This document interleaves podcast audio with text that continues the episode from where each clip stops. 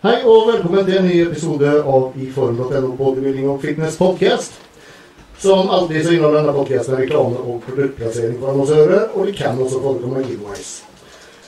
Vi starter med å si takk til mine annonsører, som er Gymspot, Helsekostbolaget, The Shop Factor og Superswole. Setter også veldig stor pris på mine patrons som er med og støtter. Petter, May-Lisa, Sveinung, Espen, Siri, Anel, Stian, Stig, Olav og Raymond. Tusen takk til dere. Eh, om du har lyst til å være støtte meg i podcasten, går du til patreon.com slash Andreas Adolfsson, og adressen dit finner du i beskrivelsen av podcasten. Kan også i veldig god støtte og gjennom å trykke like på videoen og abonnere på kanalen. Og så har det vært til veldig stor hjelp når vi har vært i en rangering på enten Spotify eller iTunes. I dag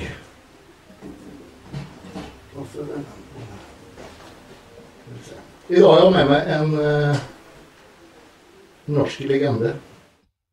Thomas Delander, velkommen. Hei, hei. God dag, Andreas. God dagens. Det var veldig hyggelig at du hadde lyst til å komme hit og bli med. Hyggelig å få lov å være her sammen med deg. Det er mange som har uh, spurt om, at, uh, om, å ta med deg, og nå, nå, nå var det endelig på tide. ok. du uh, jeg, jeg, mener i hvert fall at du, du, går inn under norske legender når det kommer til bygging. Takk for det. Hyggelig. Jeg hadde, ja, det har vært en liten periode der for meg også. Ja, det, det var det. Det var en, en litet, uh, litet stint. Uh, jeg har egentlig først lyst å bare gå tilbake til uh, helt til hvordan det starta, når du begynte å trene. Ja. Og det var Oi, det begynner å bli lenge siden. Nå er det sånn at man begynner å tenke seg om begynner å bli gammel. Det var i 1988. Hvor gammel var du da?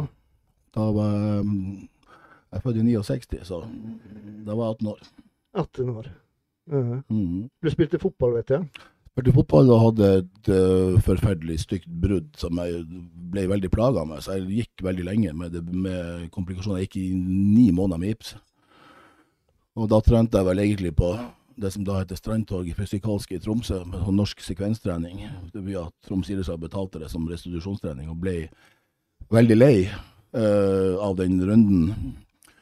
Akkurat i det tidsrommet der så hadde materialforvalter i Troms idrettslag åpna flytta et gym som lå utenfor byen, inn til sentrum, så jeg spurte om Troms idrettslag kunne heller betale for meg der. Og det, det gjorde de. Og så ble jeg voldsomt interessert i, i det her også. Mm. Men og, jeg, du Du hadde jo også ei ekstrem utvikling på kort tid, tror jeg, som ikke jeg husker feil. Ja.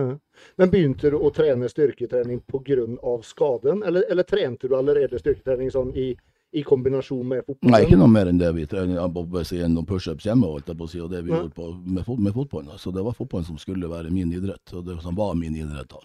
Ja. Men jeg var, veldig, jeg var veldig opptatt av å si, muskler.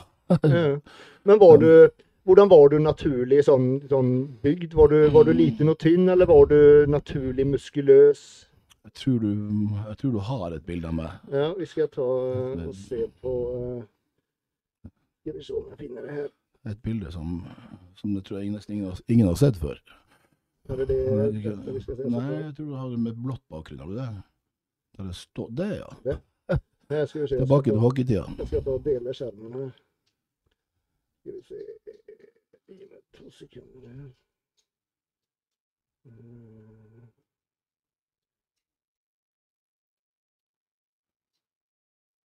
Hvorfor går ikke dette nå, da?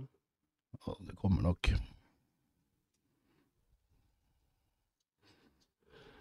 Uh, uh, uh. Det skal alltid være et annet som krangler litt her. Skal jeg se, vi prøver igjen.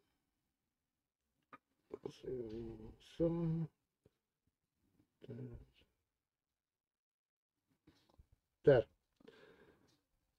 Og der er du 18 år, da. Det, Ja. det bildet der. ikke Ja, sant? der har jeg gips på foten.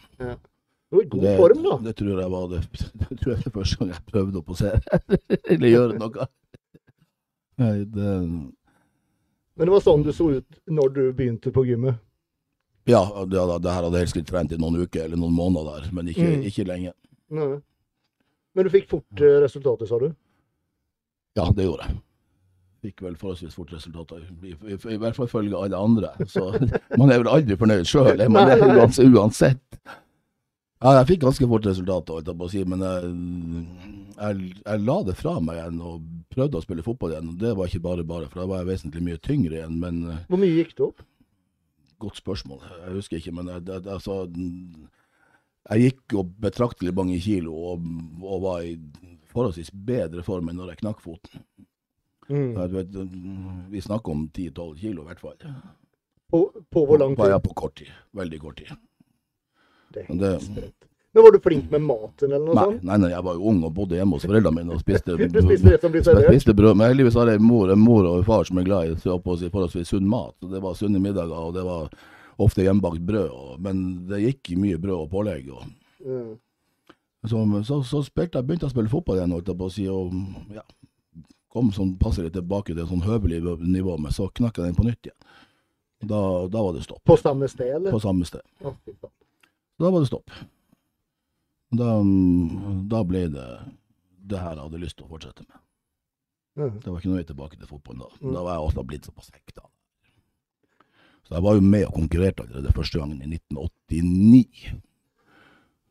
Så mm, Der har jeg også noen uh, bilder, skal vi se. Det er første gang du konkurrerer? ja. Det var i 1989. Og da har du trent hvor lenge? Da hadde jeg jo trent litt, opp og si, litt med, med det første bruddet, og så hadde jeg begynt å spille fotball igjen, og så hadde jeg trent litt til.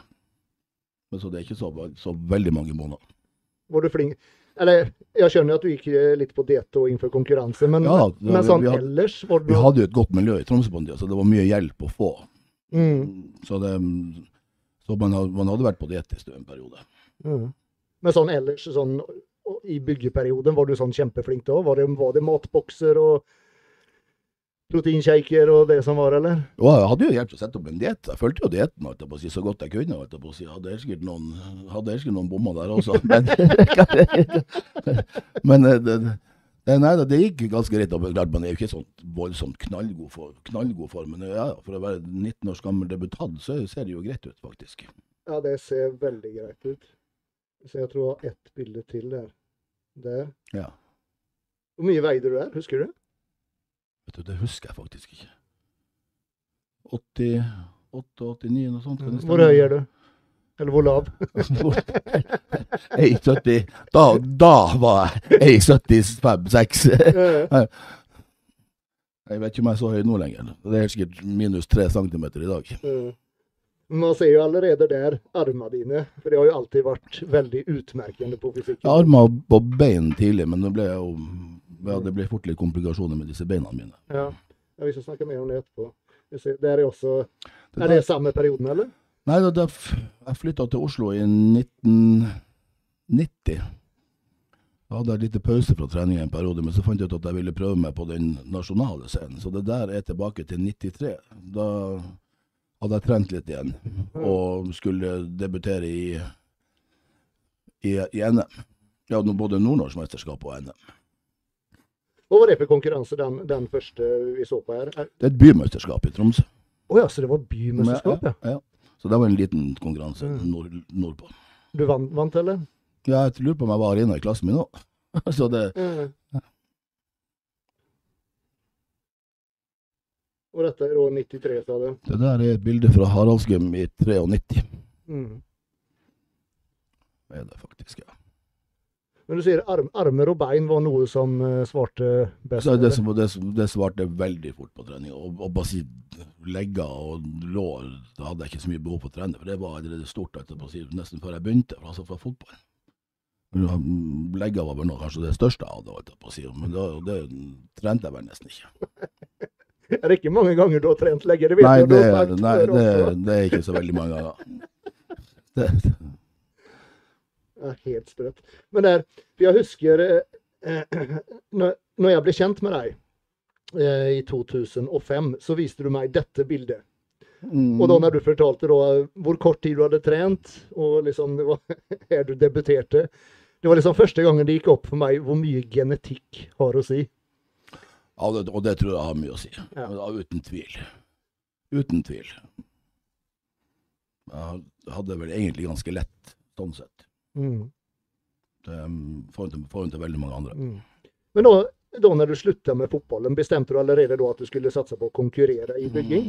Mm, Jo, da, målet var vel det med en gang. Jeg er jo et konkurransemenneske og har vært det siden, helt siden jeg var veldig ung gutt. Og det er jo noe som kanskje er kommet via fotballen. Eh, så planene var jo det. Men det har vært sånn veldig mye frem og tilbake og av og på i den, i den karrieren min. Og det ble jo en sånn tre, NM i 93 og nordnorsk mesterskap i 93. Og så ble det noe Så flytta jeg vel hjem, da bodde jeg i Oslo. Så flytta jeg tilbake til, til Tromsø i april i 1994. Mm. Så traff jeg min vakre fru, Ann Hege. Og etablerte et eget selskap og sånt i Tromsø og jobba veldig mye. Og la vel treninga mer i hvert fall dette med, med det konkurranseplanene mer eller mindre på hylla. Ok. For en periode. Men, men, men trente. jeg. men ikke på langt nær sånn som jeg gjør i, i, i en tidligere periode. Eller etter, Mm. Der kom vi kommet til senere periode òg. Men i 1999 bestemte jeg meg for å gjøre et comeback. Jeg fulgte med i idretten og og, å si, fulgte med og så hva som skjedde. og og var på gymmet. Mm. Men i 99 så bestemte jeg meg for å gjøre comeback. Ok, så det var en fem-seks år da uten noe konkurranse? Ja, ja, ja. Mm. Det var det. Vi gifta meg og fikk barn, og så, Så, så bestemte jeg meg i, i 99 at nå skal jeg gjøre comeback og skal konkurrere i 2000. Og Og da da, var og da, ble det, da, da ble det noen år som var ganske sammenhengende, så der, der man virkelig satsa. Mhm. Var det noe sånn, hadde du allerede da noen sånn ønsker, planer om at du hadde lyst til å bli proff, eller noe sånt? Eller var ikke det på tapeten så tidlig? Ja, du hva, det, det tror jeg aldri har sagt før. Men jeg hadde målsetting allerede veldig tidlig. Men jeg har aldri vært en sånn person som har sagt det til noen. Eh, jeg hadde en plan om å vinne norsk mesterskap i løpet av en tiårsperiode fra jeg starta. Målet var egentlig å, å, å bli norsk mester før jeg var 30. Og det jeg rakk det når jeg var 30. Mm. Uh, så hadde jeg ett mål til. Det er litt morsomt, og det tror jeg ikke jeg har sagt til han engang. Jon Morten Thomassen. at han skulle én gang i verden slå. så det, det det forteller jo litt, Jon Morten, og på å si hvilket inntrykk han gjorde på meg tidlig. Mm. Um, han var ja, en motivator. Dere trente på samme gym, eller? Blant, nei, nei, han er jo på si, han er trønder og trente på et lite gym i Ja, Trøndelag. Ja, ja, på si. Men han var si, jevngammel, ikke sant? Mm. Og han var en del i både Hvis vi så hva han gjorde og det var jo klart at, at spesielt når han vant EM som junior, så, så gikk jo ikke det, opp.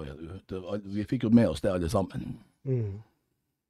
Så det var vel derfor at han, det, var, det hadde med alder å gjøre, tror jeg. Men så ble det jo andre etter hvert. ikke sant? Det kom det Tommy og Jostein ikke sant? og alle disse Arnstein og Borga, ikke minst Borgan. ikke sant? Det, det, som, ja, det, det var jo ei spesiell tid og med mye, med mye byggere i Norge. Mye bra byggere. Ja, mye bra byggere. er Og et vanvittig godt miljø. Ja. Og ut, utrolig trivelige mennesker, alle, alle disse menneskene der. Mm. Mm. Så, så da ble det NM i 2000 og NM i 2001 og NM i 2002. Du stilte alle årene der, ja. Jeg stilte Tre de, år på rappen. stilte de tre årene, og jeg vant min klasse de tre årene, og vant overall også de tre årene. Vant også nordisken i, i 2000. Mm. Jeg var med i nordisk i 2000 også. Var, det, var det minus 100 eller minus 90 du var med i da? Det var minus 100 da. Minus 100. Mm. Minus 100. Mm. Det var det. For at jeg husker 2000 så var det jo jeg og Jon Morten og Jostein Mehn i, i, i Jeg tror jeg har noen bilder der, skal vi se. Er dette fra NM? Nei, det er fra San Francisco. Da har jeg lagt på meg noen kilo til. Skal vi se, skal jeg bla litt forbi da. Det, Eh, det var Ja, det, det, Ja, det er Sandefjord Open, ser det ut som. det, der, det der er fra NM i 2000. Ja, ja, ja, ja, det er ute i Mm. um, Ja. å, Stemmer. Stemmer det. Det er 2000. Hvor mye veide du der? Lørenskog, ja. ikke det? Ikke, var ikke det vi Ja. Lørenskog. Ja. Stemmer. Rett under 100 kilo, eller? Nei, ja, ja, det, ja, ja, det måtte ha vært. Ja.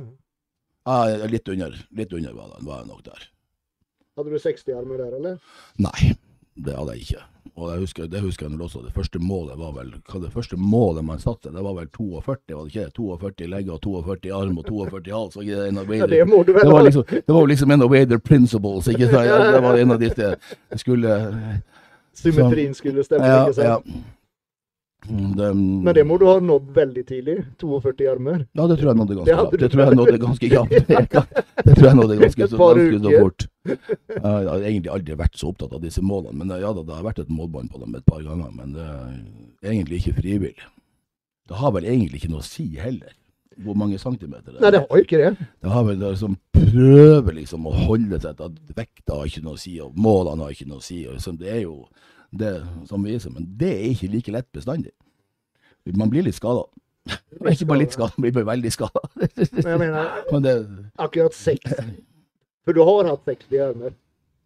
ja, har nok helt sikkert passert 60, i hvert fall med pom, holdt jeg på å si. Men jeg vet ikke om det har vært i god dag, men det hadde, det vært off-season, holdt jeg på å si. Men jeg, det, det var vel Alexander Danielsen som en gang i verden fikk meg til å måle dem kald, holdt jeg på å si, og det var ikke helt i konkurranse om det heller. Og da var jeg vel 57,5, holdt jeg på å si, og de har vært vesentlig større etter det.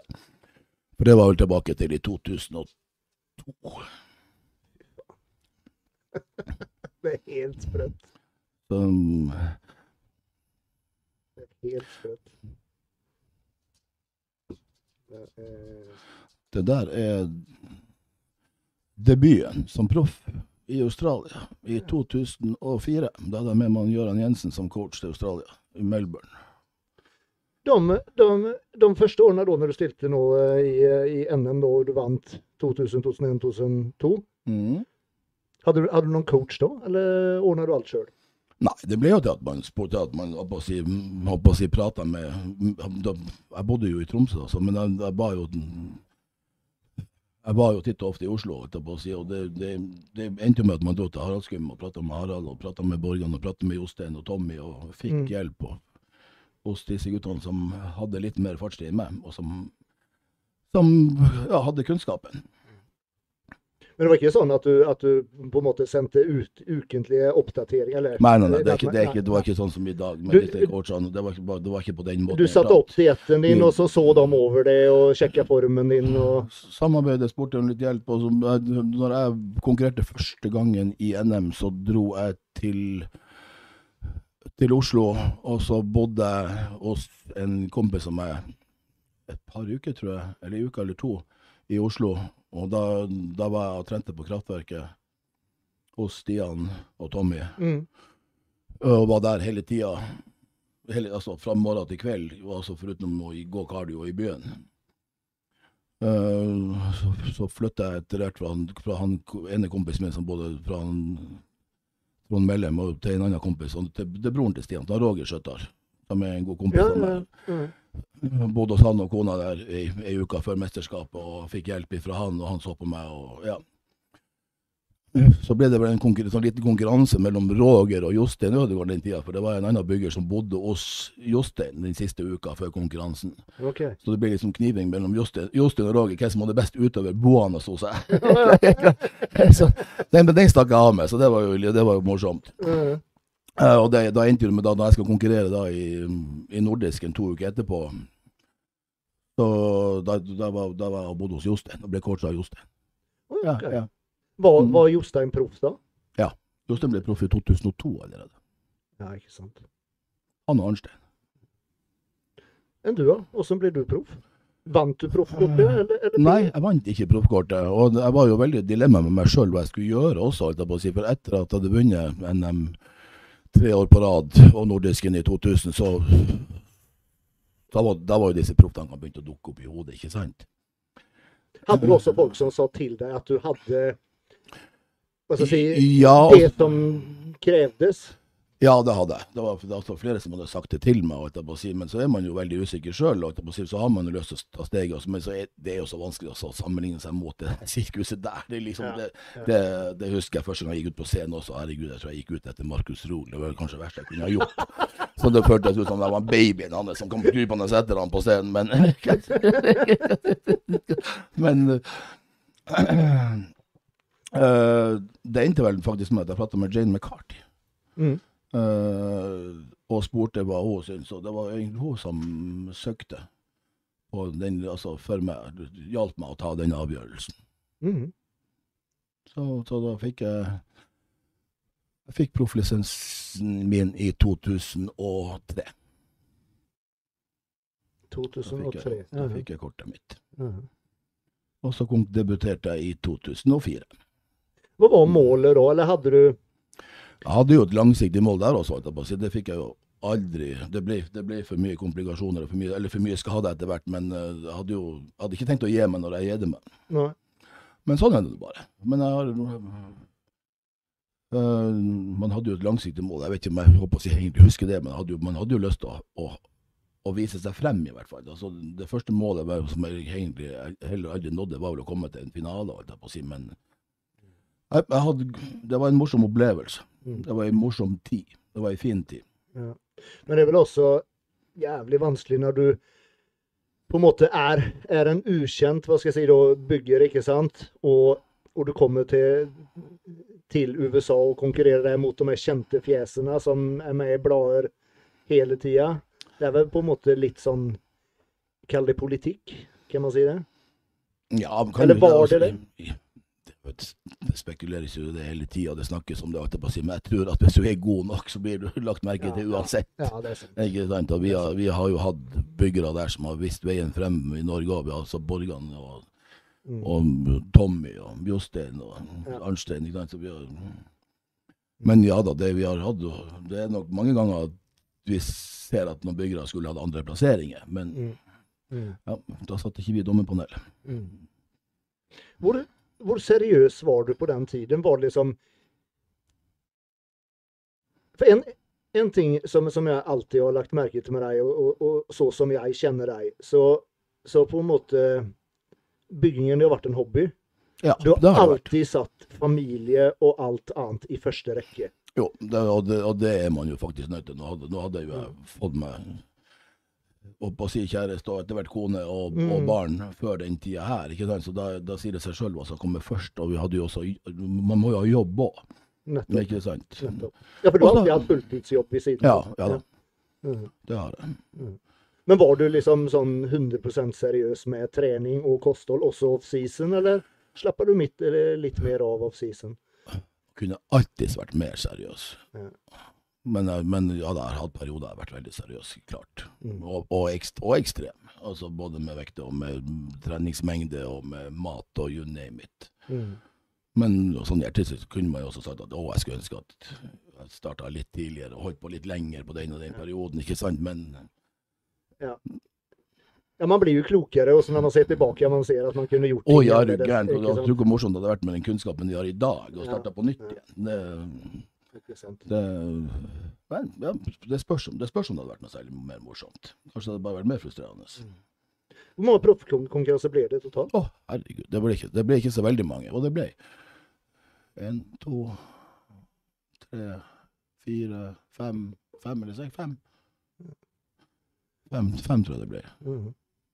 Og så det, da var det brått stopp, og det skulle jo vært stopp på de siste også, men der, der, hadde, der var jeg jo allerede si skada, og det var i Spania, i Santa Susana i 2007. Uh, så da var jeg jo allerede mange mange centimeter mindre i den Mm. ene foten. Ja, det husker jeg. Ja, Det husker jeg. så, men det, det var liksom med tanke på ulike sponsorer. og Så jeg, liksom, jeg brydde meg ikke om det. Jeg visste at jeg kom til å mer eller mindre dumme meg ut på scenen. for det, altså, det var ikke mange som kjente historikken. Men såpass sterk er jeg i hodet mitt at det tålte jeg. Mm. Og jeg husker, jeg husker Borgan sa det. Hva i faen gjør du oppå der? helt, helt, ja, det er jo for så vidt helt ærlig, men det, altså, det, det sto faktisk om litt penger også. Jeg, Ja, jeg husker det fikk en Ja, ja, stor mm, sponsor. Ja, ja, ja. Mm. Så det var liksom Jeg måtte bare fullføre uansett. Og sånn er jeg. Jeg er litt sånn. Jeg skal fullføre uansett. og Jeg bryr meg ikke om hva andre folk sier eller mener. Det, det, det Er det noen som lurer, så får de komme og spørre meg heller hvorfor. Og så, så skal jeg heller svare på det. Da er jeg sikker på at i, akkurat, i det, akkurat i det der tilfellet så hadde de fleste skjønt meg godt hvis jeg hadde fått forklart det. Hvorfor jeg, hvorfor jeg gjorde det. Vi skal gå nærmere inn på hva det var som skjedde. Vi kan bare vise noen bilder fra fra proff... Eh, Tida. Profftida Der kom den. Og dette er da Hvilken konkurranse er dette? Husker du det? Det der er nok i San Francisco i 2005. Da var vi i San Francisco konkret, og. Da hadde jeg med meg både, både dattera mi og, og kona mi. Og Mm. du forresten, Silje. Jeg lovt, du har lovt meg en ting. 1000 kroner hvis jeg sa at dattera mi Silje Stelander hun er den kuleste personen jeg vet om. Sånn, nå er jeg 1000 kroner rikere. Takk. Der hørte du det, Liv. Var du mye større, tyngre her enn du var eh, når du vant NM? Mm. Før du ble pro? Veldig godt spørsmål. Vekta. Det var, altså, man blir jo opphengt i vekt. Og Man, jeg skal fortelle deg en morsom historie. Man blir jo så opphengt i vekt at den, på den tida her så hadde jeg vekt hjemme. Den vekta tok jeg bort, og så hentet jeg vekta. Og så tok jeg bort batteriene av vekta, så hentet jeg batteriene og satte dem i vekta. Og så kastet jeg batteriene av vekta, og så kjøpte jeg nye batteri til vekta. Og så knuste jeg vekta til slutt. vi, vi, vi, ja, vi blir skada. Og vi er det fremdeles. Jeg bruker bestandig si det at å vis meg den personen som er pensjonert bodybuilder for lenge, for lenge siden, som ikke står og pusser tennene og slår en dobbel biceps i speilet. Da lyver personen hvis han ikke var glad i sporten sin. Ferdig snakka. Ja, det, det stemmer Ferdig snakka.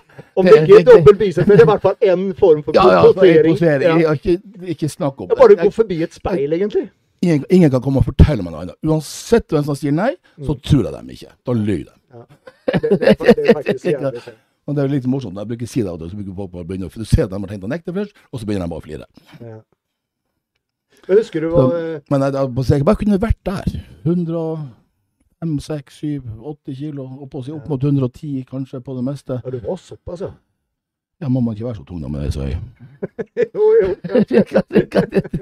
Det- Men du var, du var grøvere da, i hvert fall. Du, du var større enn en som amatør. At jeg var større enn en som amatør. Ja. Ja, det er bestandig store amatører. Nei, men at, at du var større ja, som ja, proff ja, ja, ja, ja, er du, er du gæren? Ja. Ja, det, det er absolutt. Mm. Jeg tror det skjer noe også, bare. Du får et sånn lite løft bare du får det proffkortet. ikke sant? Jeg hadde jo et godt år på meg. ikke sant? Det skjer noe med motivasjonen sin. Med, Mm. med motivasjonen din. Det der er et morsomt. Det er faktisk et bilde som jeg er ganske glad i. Er det, Det er Heiko Kjellbakk? Det er Big Mike Morris som er på min venstre side. Der. Ja. Og så er det han som, han som har sona for mord. Ja, Craig Titus, Craig ja. Titus, ja. Ja, ja, ja, ja. Stemmer Og så er det han Richardson, Richardson. Nei, Mm. han, jo, han fikk jo ikke, han som står lengst til høyre, han fikk jo ei god olympiaplassering det året eller året etterpå. Stemmer. Der, eh, Craig Titus, ja. men jeg var dessverre ikke i god nok form der heller. Og det, det var ikke bare det, det er ikke så lett å farte og, og, og få Nei. formen til å stemme og komme ned to dager før, for man har ikke råd til å være der i uka eller to. Og, nei, det syns jeg var, det var slitsomt, og det var frustrerende, så det var vanskelig. ja. Å få det til å klaffe med mat og på disse hotellene og ja. Det kan jeg skjønne. Men, men morsom opplevelse. Dette er Det er også San Francisco. Det, det bildet du hadde i sted, det var fra Orlando i 2004, da jeg står sammen med Craig Titus. OK. Craig Titus, Da hadde vi jo også for så vidt en morsom opplevelse. Det var jo i, i 2005, når vi var i Australia. Da hadde jeg også med meg kona mi og, og, og Silje. Og da hadde hun Silje bursdag. Mm. Og da, mm, da ble hun faktisk ropt opp på scenen eh, av Tony Dorty. Fantastisk promotor. Han, det er han som er konferansier. Mm. Ja. Og mm, hele salen sang, uh, sang bursdagssangen til henne. På, på et proffstevne. Yes. Og så fikk hun gave. Og da fikk hun, da fikk hun lue, som det står Titus på. Men, eh, Hun var ikke gammel da. Nei, da var hun åtte. Ja. Mm. Har vært i det sirkuset lenge. hun er født inn i det. Hun har vært, hun har vært, med, vært og farta rundt meg også, og gjesteposert på det her og der. Allerede Ja, ja, ja. tidlig. Nettopp. Dere har gjesteposert sammen. Ja. Det husker jeg veldig godt. Eh, vi tar en kjapp reklamepause, så skal vi snakke litt om flyturen hjem fra Australia. ja. Trenger du kvalitetsprodukter, knallbra service og kjapp levering? Da er Gymspot stedet for deg. De har fysisk butikk i Exhibition i Bergen og sender over hele Norge via nettsiden gymspot.no. De har stort utvalg av protein, PVO, alternativ mat, aminosyrer, treningsutstyr og treningsklær. Og ved spørsmål kan du kontakte dem via gymspot.no på Instagram. Det er nye tilbud hver uke og måned, så følg med. Med kodeordet GYMBROS får du 10% rabatt på alle varer unntatt merkevaren SPD. Og nå får du også med en Purple Burn PVO ved alle kjøp over 700 kroner. Altså 10% rabatt når du bruker kodeordet GYMBROS hos Gymspot.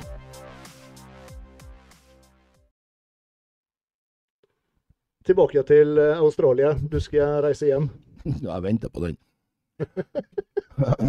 Det var, det var andre året mitt i Australia. Det var jo en, altså, jeg er glad jeg fikk med meg to år der nede, for det var en helt fantastisk konkurranse å være med på. En helt utrolig promotor og ja, et helt sykt bra stemme Mhm. og opplegg rundt. Men det andre året så hadde jeg med meg min vakre fru og min kjære datter. Og da hadde vi bestemt oss for at vi skulle være igjen i Melbourne ei uke cirka etter konkurransen og kose oss og spise. Og det Ja. Du, du, du vet at jeg er glad i mat, Andreas. jeg er glad i Ja. mat? Hadde, hadde rimelig, rimelig, rimelig trykk når jeg skulle reise hjem ei uke etterpå. Jeg tror jeg hadde avslutta siste kvelden med en kilo M&M's til dessert.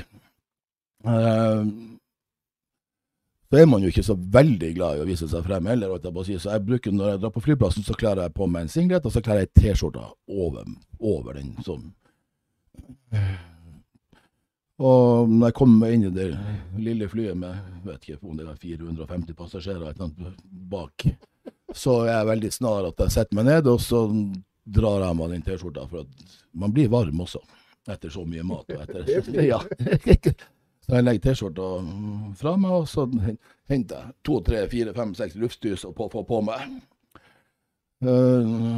Eh, det er jo fornuftig, holdt jeg på å si. Så man går jo opp og reiser seg opp og si, i løpet av flyturen. og Gjør litt tåhev og beveger litt seg, tøyer litt. og så gikk jeg, ene gangen jeg gjorde det, så gikk jeg på toalettet. Og sto der og tøyde meg og vaska meg litt også. Så, så måtte jeg på do. Jeg måtte bæsje. Så jeg satte meg på do, og da hadde jeg tatt av meg den singleten og lagt den i håndtaket foran meg. og Bare tredd den gjennom det håndtaket foran. Jeg døra på venstresida, altså. Uh, så når jeg er ferdig, så skjøller jeg ned på sida, og så drar jeg singleten ut samtidig, litt hardt, og så hører jeg bare Og så snur jeg meg, og så ser jeg, og så står jeg og holder i singleten med den hånda mens resten av singleten ligger nedi Det var en oransje Gasp-singlet som var nedi det dasset med sånn her grønn Så jeg sa hva faen gjør jeg nå? Så det var egentlig faktisk bare å slippe den og skjølle den helt ned. Da sto jeg inne på det toalettet på, i, i flyet med 400 passasjerer bak meg, holdt jeg på å si. Og så, hva skal jeg gjøre nå? Jeg kan ikke gå bak i det flyet her. Jeg bare Jeg sto lenge der med døra på gløtt og lurte på om jeg skulle rope på ei flyvertinne, eller om jeg skulle gjøre Så det endte jo med at jeg måtte bare da gå bak. Jeg, jeg, jeg tror faktisk jeg sprang. Fra, doen og, og opp i det her lille bagasjerommet og skulle prøve å være rask med den T-skjorta. Det greide jeg ikke. Og så det trynet til Hege også i tillegg, når hun ser jeg kom tilbake med de store øynene. Jeg lurer på hva i Guds navn han holdt på med nå? Han hadde jo på seg klær i sted. Og eh, så, den, den, eh, den kommer jeg aldri til å glemme. Just Ann Hege, kona di, når, hun forteller denne historien, så, så det hun ser, det er at du, du prøver også samtidig å skjule deg, og ikke vise det. Ja. ja. Det, det, man er jo ikke så Altså, det er greit, ja da, det, det, altså, det er greit å skjule seg på det, altså, det er greit å vise seg frem på scenen, men jeg har aldri vært noe sånn voldsomt glad i å vise meg frem sånn ellers, utenom. Da, det, det tok noen år for at jeg greide å slappe av på stranda. Mm. Du, hadde, du hadde også en uh, sak der med der Jostein. Ja, det, litt, det var ikke Det var det, altså, Det må vise seg frem? ja, dette må vise seg frem, og det er liksom hvordan sporten var. Da måtte jeg si til Jostein Jostein, nå må du skjerpe deg. Det var når vi var i Night of the Champions i 2005. Da reiste jeg og Jostein i lag og hjalp hverandre. Begge skulle konkurrere. Og så skulle vi um, dra opp på, altså på, på stevner. Det var siste Night of the Champions i historien. Det var en helt sprø konkurranse. Vi var over 50 deltakere. Det var helt spesielt. Og det var Vi kom opp og inn, skulle gå inn den sidegata, og det er tjåkefullt. Hele gata er full av fans. Og så sier han Jostein Thomas, kan ikke vi gå inn bakveien? jeg sa ja, nå må vi skjerpe oss. Nå må vi, nå må vi gå. Så, men det, det, var, det, det, er litt annerledes kontra dagen i dag. Når, det er stor forskjell. Stor forskjell, altså. Forskjell. I dag er det om å gjøre å vise seg mest mulig frem hele tida. Det er rart med det. Det har forandra seg med disse sosiale mediene. Ja, ja. Det må, det må man aldri glemme. Altså. Det er, ja da, det, er en helårssport, si, men den gjelder når man er på scenen. Mm. Mm. Men du, du har aldri Eller du var ikke ens glad når du på en måte var i konkurranseform? Du var ikke den som sprada på stranden eller gikk i bar overkropp, eller? Jeg tror ikke jeg hadde noen gang vært glad i den oppmerksomheten. Det, det, blir så, det, det, er rart også, det blir så djevelsk mye negativt også. Ja. Med en gang. altså Det blir helt Men det er noe annet i statene? Ja, det, det, var helt Når du kom dit og det konkurrerte? Det, var, det var helt sprøtt. altså. Det husker jeg første gangen jeg var i statene. Du blir stoppa overalt. og det, og det, Du begynner med så blir du, du blir jo livredd, for du blir stoppa med en gang du kommer på flyplassen av alt av toller og alt mulig. De skal, ikke, de skal ikke sjekke deg. De skal jo bare ta bilder med deg. De er jo bare dødshyggelige. ikke sant? Og det husker jeg også når vi var i Orlando, husker jeg spesielt vi var, og var i disse, disse familieparkene. Og så kommer det en familie bort, og så kan, kan, sorry, kan ikke vi få lov å ta bilder med dem med den minste ungen vår? Ja. Og så tar du bilde, og hyggelig, og så kommer det Vi må få ta et bilde til med neste unge. Vi kan ikke få et bilde til med kona. Å, vær så snill, et bilde til med hele familien. Ja, det, det, er helt, helt annerledes. Ja, det, det, er så sprøtt. Helt annerledes. Det er så sprøtt. Um, mens i Norge så blir det hovedsakelig bare dritt. Da se på han der. Ja. se Hva tror han han er for noe? Men unnskyld meg, du driver det som en sport. Du går mm. ikke rundt og tenker på det. Det var som en, en, en sa til meg, at her i Norge, om, om du ser noen komme kjørende i en Ferrari, ikke sant? Mm. da tenker folk Se på den jævla kødden der, ikke sant? Mm. Mens i Statene så tenker folk at fy faen, han har jobba hardt for å få den. Hadde naboen begynt å med fett Ferrari, så hadde jeg gått over til naboen og sagt fy faen for en kul bil, ja. få det få lov å se. Du hadde gjort det. Ja, altså, man, man ja. dømmer jo ikke ut folk. Man, man dømmer ikke folk, verken av utseende eller materielle ting. Mm, mm. Man dømmer folk etter hva som er mellom ørene på dem. Ja, nettopp. nettopp. Det like mye verdt fattig som rik, like mye verdt tjukk som slank, som kraftig som tynn. Altså, det, der, har, der, der, tror jeg vi har mye å lære i det landet. Det er helt idiotisk av og til. Og det verste er at av og til, når, jeg husker også i din tid, man fikk faktisk mer kommentarer av en merkelig grunn også når man var faktisk ung. Og det stoppa litt, til og med når man var på det største og ble eldre. Men, men, ofte så får man kommentarer fra folk som er veldig dårlig trent. Negative kommentarer? Veldig, ja, negative, ja. ja. Hva tror du det kommer av? Misunnelse?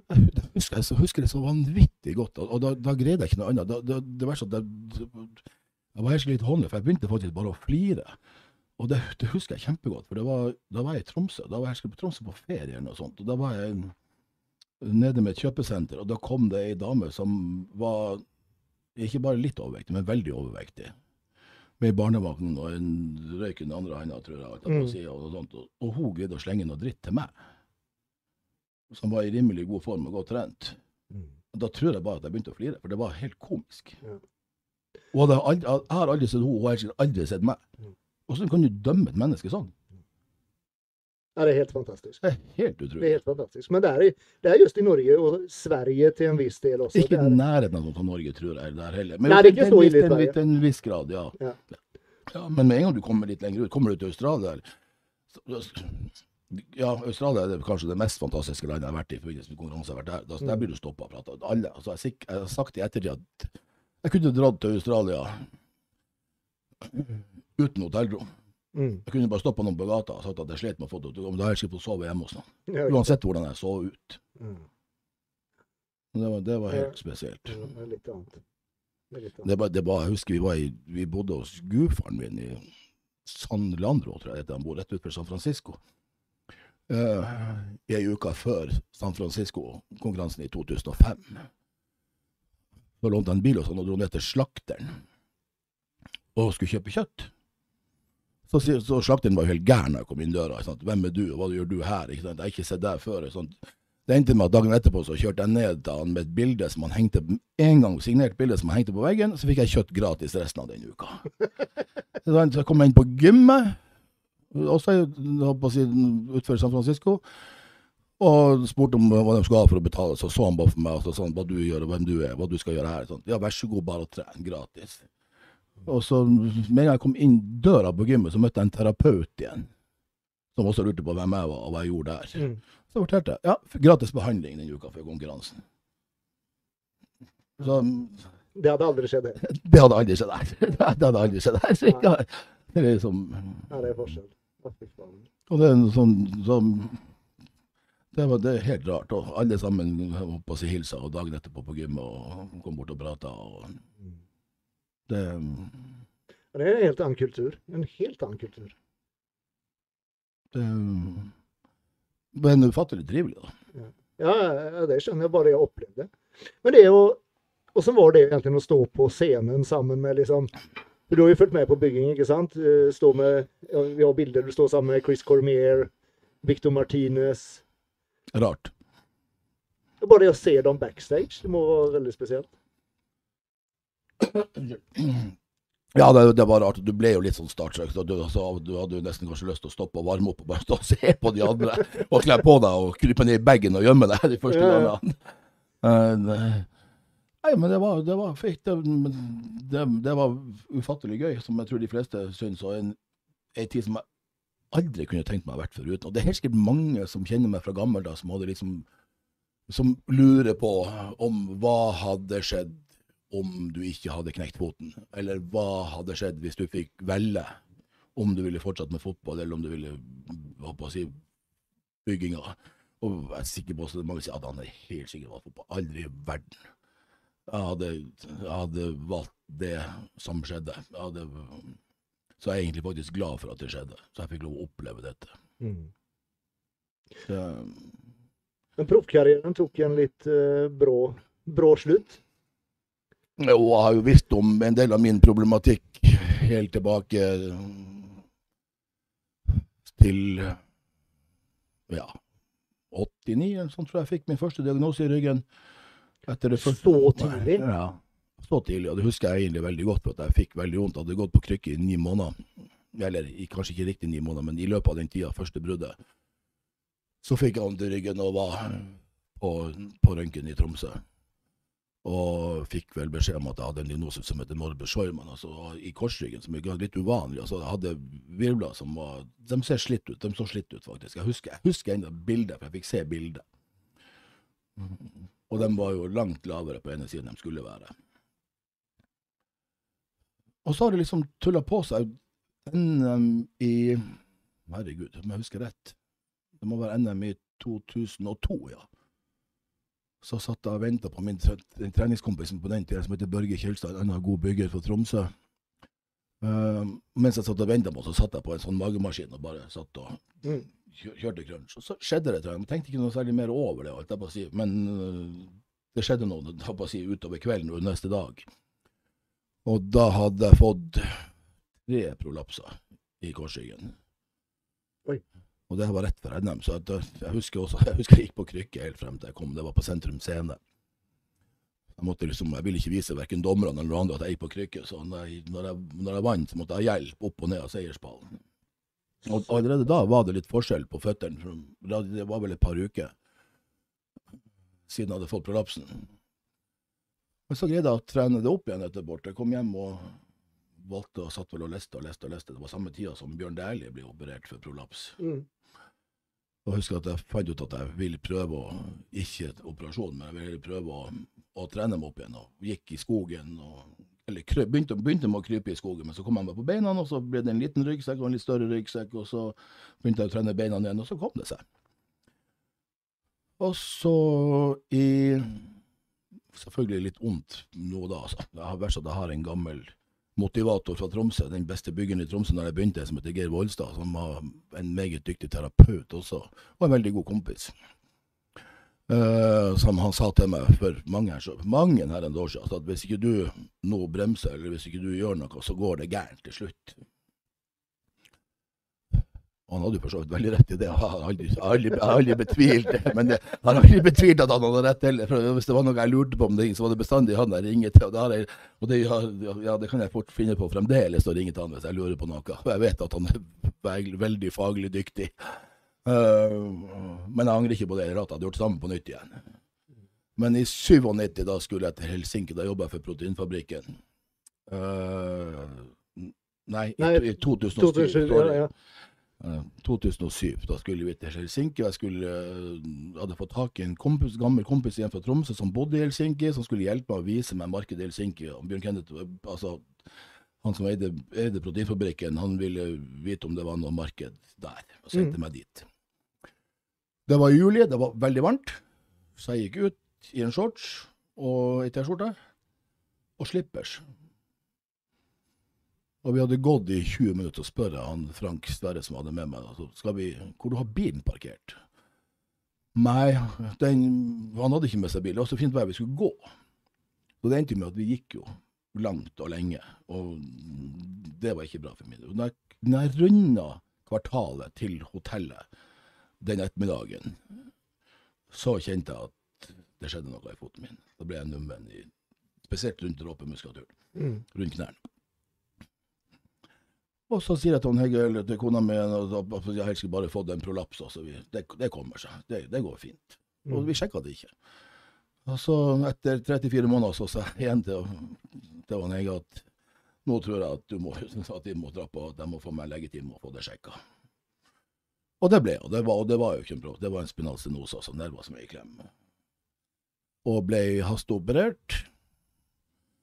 Og de sier at operasjonen var forholdsvis vellykka, for de har satt ny, ny rekord på Vestfold sykehus med, blø, med blødning under operasjonen. Stemmer, ja, stemmer det. Jeg blødde 2,1 liter uten å få blodoverføring, men eh, det, det Men uh, det, det, altså det, ble aldri noe bedre. Så, så, i dag er jeg jo mer eller mindre 100% lam i venstre kvadriceps. Mm. Så da, da, var det slutt på den, karrieren. Den karrieren. Men, men, man kan jo fortsatt trene. Mm. Var det noen gang tatt noe tatt, Eller sånn Før den hendelsen i Finland, var det noen gang Eller har du hatt det i bakhodet hele tiden og tatt hensyn til den skaden i ryggen, eller, eller har du liksom bare gunna på? ja. Nei, jeg har faktisk aldri kjørt noe særlig, verken mark eller knebøy. Men det er på grunn av det, da? Ja, det har jeg hele tida visst det, men, men, men, så vet du Andreas hva som skjer. I gode øyeblikk, du har ikke noe vondt, du varmer godt opp, du er sterk. Uh, ikke sant? Og så, så, skal du kjøre fremoverbøyd roing med 230 kg, 15 rep, ikke sant? Mm. Det, det, det, er ikke noe bedre det enn å kjøre mark. ikke sant? Men man glemmer, man glemmer, seg helt av. Man står og bruker ekstreme vekter på alt. Og har kompresjon uansett, ikke sant? Fordi man ikke akkurat gjorde disse øvelsene som mark og bøy. Men hadde du fått Eller hadde du blitt lam i foten om du ikke hadde trent så mye tungt? Hadde det skjedd uansett? Ja, det tror jeg nok hadde skjedd si, før eller siden uansett. Ja. Si. Og, det, det var litt morsomt. Det var for ikke så veldig lenge siden med alle mine komplikasjoner. Si, så var jeg en tur på stamcelleklinikken i, i Oslo og, og tok en sånn blodplasmabehandling og, og, forhørte meg litt om dette med stamceller.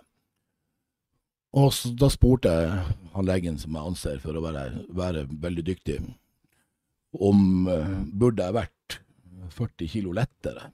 Mm helt, også helt ærlig, svar meg ærlig. Så sa han nei, for guds skyld ikke. Hadde du vært 40 kilo lettere og ikke vært, hatt en trening, så, så hadde du sittet innerst i en sofakrok og ikke kunne gjort noe.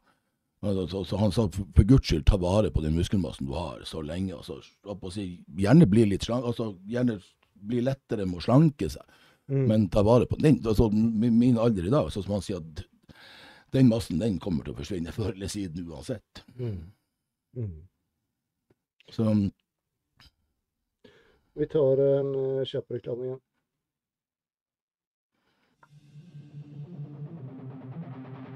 The Shock Factor er et norsk treningsklesmerke og har igjen kommet med en ny kolleksjon som heter Graphic. Den består av oversized tees, hoodies, sweatshirts og shorts og har et tøft, kreativt og håndtegnet design på ryggen. Tøyet funker like bra som pumpcover på gymmet som casual wear på fritiden. Og om du bruker kode GYMBROS så får du 10% avslag på prisen.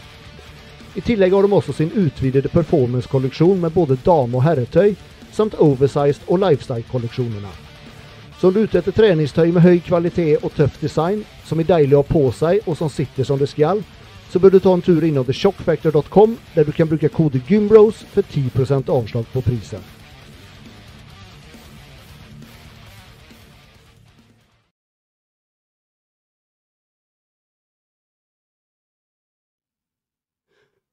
All right. Har ju som jeg sa til deg nå nettopp, Thomas, fått mange spørsmål om uh, treningen din, og ikke minst kostholdet. Så vi kan, jeg tenkte vi kan starte litt med treningen. Hvordan, hvordan treningen din har sett ut opp gjennom årene? Den har vært veldig variabel. Alt fra masse rep til få rep. Den har vært ifra kjørt gjennom Starta jo som de fleste med å kjøre gjennom kroppen to ganger. Mm.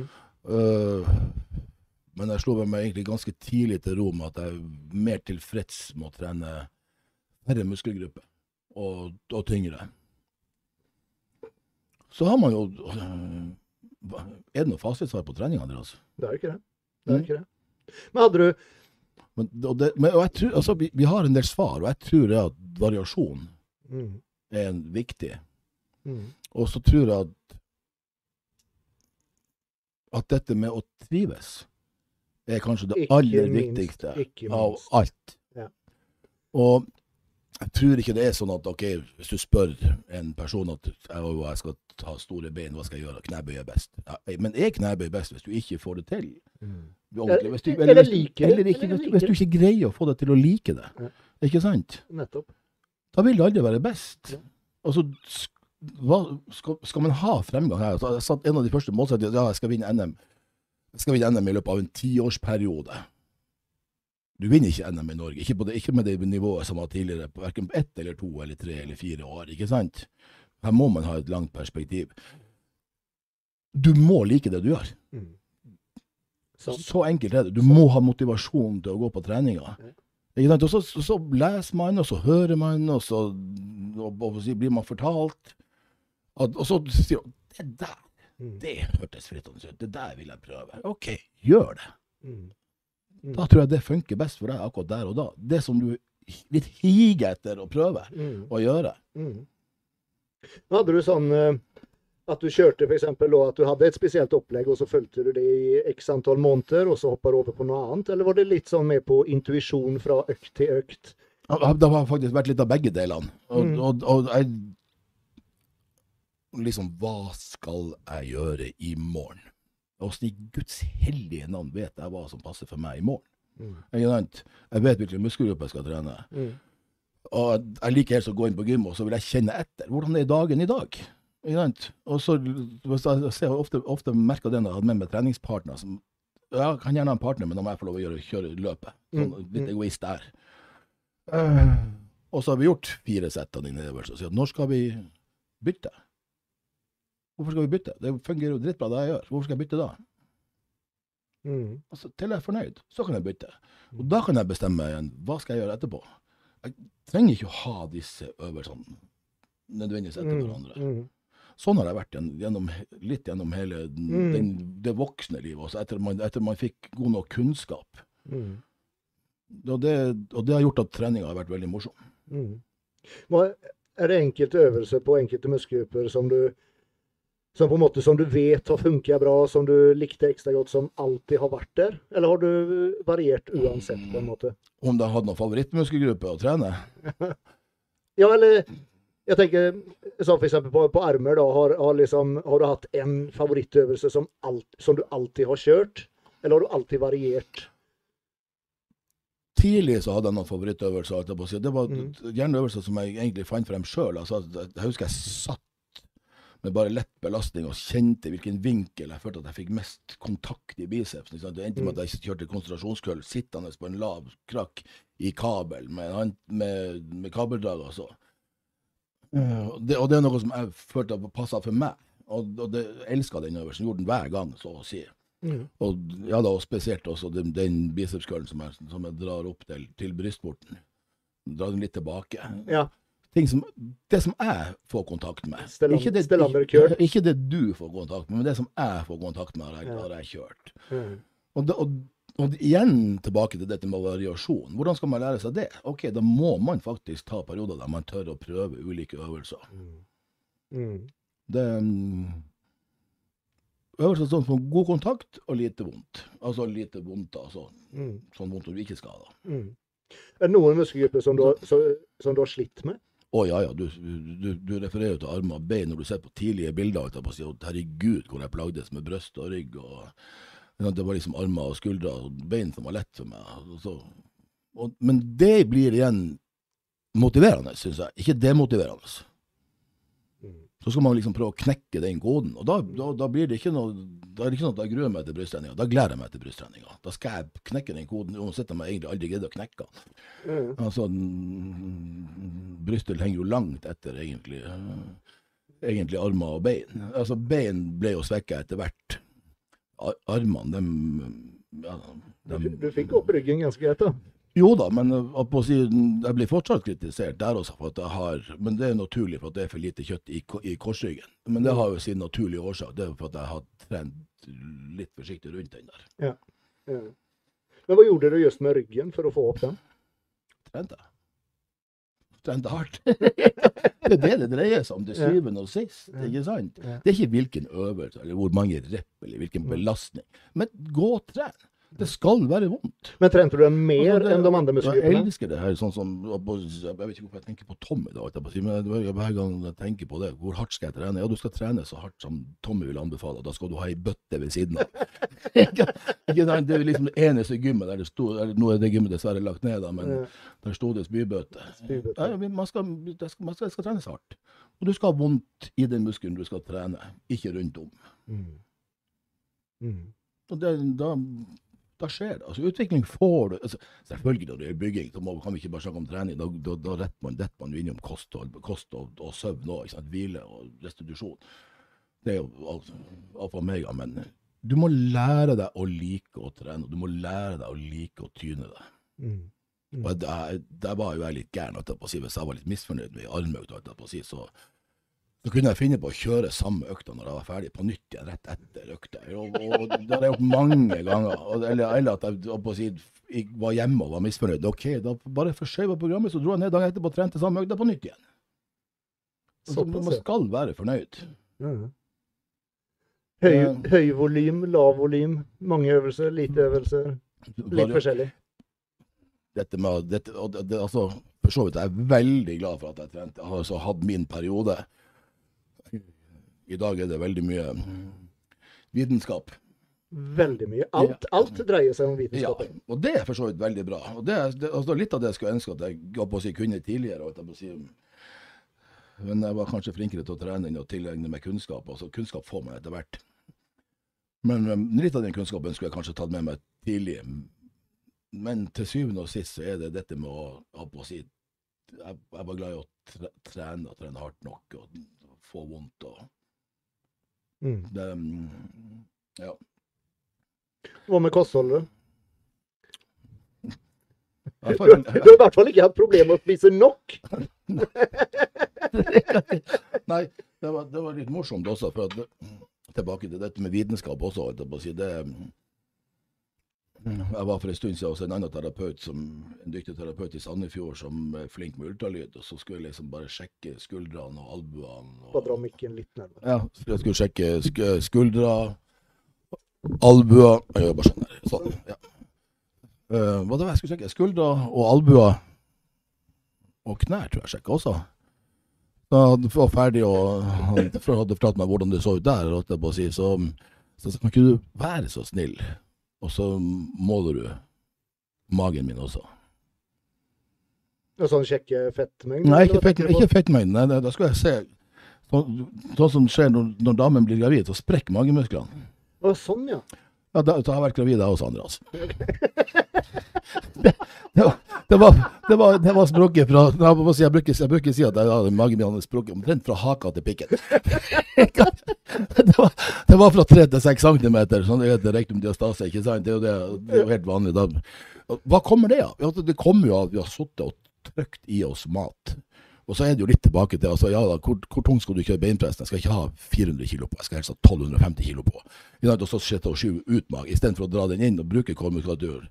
Så, vi, så presser vi han ut, ikke sant? Ja, ja. ja, OK, da skjer det ting. Så, altså, det midjemålet mitt det er målet. Eller for så vidt slutta å måle alt, men det, det, skal ikke måles igjen. Det trengs ikke måles igjen. da, må jeg, da må jeg eventuelt sy igjen først. Mm. Men du hadde aldri, aldri noe problem sånn off-season med å få i deg nok mat? Utan appetitten har alltid vært der? Og, eller har du liksom den, eh, spist på tvang noen ganger? Den den hadde jeg, tror jeg, lenge, lenge, lenge lenge før jeg løfta min første vekt. Så jeg tror at det, jeg tror Hvis jeg spør faren min om han husker, husker, så tror jeg at jeg hadde både 10 og 15 brødskiver og til med meg mors sitt hjemmebakte brød allerede på barneskolen. Og hadde noen rimelig fortvilte foreldre på, ungdoms, på, ungdomsskolen når vi bodde 50 meter fra skolen. De kom hjem og, og alt det var tomt for mat. Hadde med meg ikke bare meg sjøl, men også kompiser hjem og spise. Jeg tror jeg spiste min første biff på over to kilo når jeg var fotballspiller og var 70 kilo. Da spiste jeg biff på over, godt over to kilo og, og stoppa på veien hjem og kjøpte meg en Big Mac-meny. jeg husker den tida jeg jobba i Oslo på 90-tallet, fra 90 til 94. så gikk det en sport med kokker. De skulle se hvor mye mat jeg egentlig greide å spise. Så jeg tror at jeg har noen sånne rare rekorder både på biff tartar og riskrem og det ene og det andre fra den tida der. Jeg lovte, jeg lovte. Jeg husker, jeg husker første daten med Heie. Ja, det var nettopp det jeg skulle spørre deg. da er vi vel tilbake til 94. det, det var, det var, den dama som jeg skulle ha. Det var det jeg sa til kollegaene mine i døra når jeg så første gangen hun skal altså. Og så var jeg så heldig at, at jeg håpa at vi ble kjærester, så skulle jeg med på første date. Og Bighorn åpna i Tromsø. Bighorn var jeg så privilegert av at jeg hadde sånn delvis sponsorkontrakt med han Trym når jeg bodde i Oslo på 90-tallet. Da hadde jeg en bunke med gratiskort og var ofte der og fikk servert mat av Klumpen på, i Møllergata. Så jeg er veldig glad i store biffer. Nummer 24. 24, nei, 4, hva det er, 400 grams indrefilet med mm, pannestekte poteter bearnés. Men eh, i Tromsø så akkurat åpna, så det første jeg spurte om da vi kom inn, var den største biffen som er spist, spurte. For jeg vet at den største biffen, den, den største biffen den blir gratis.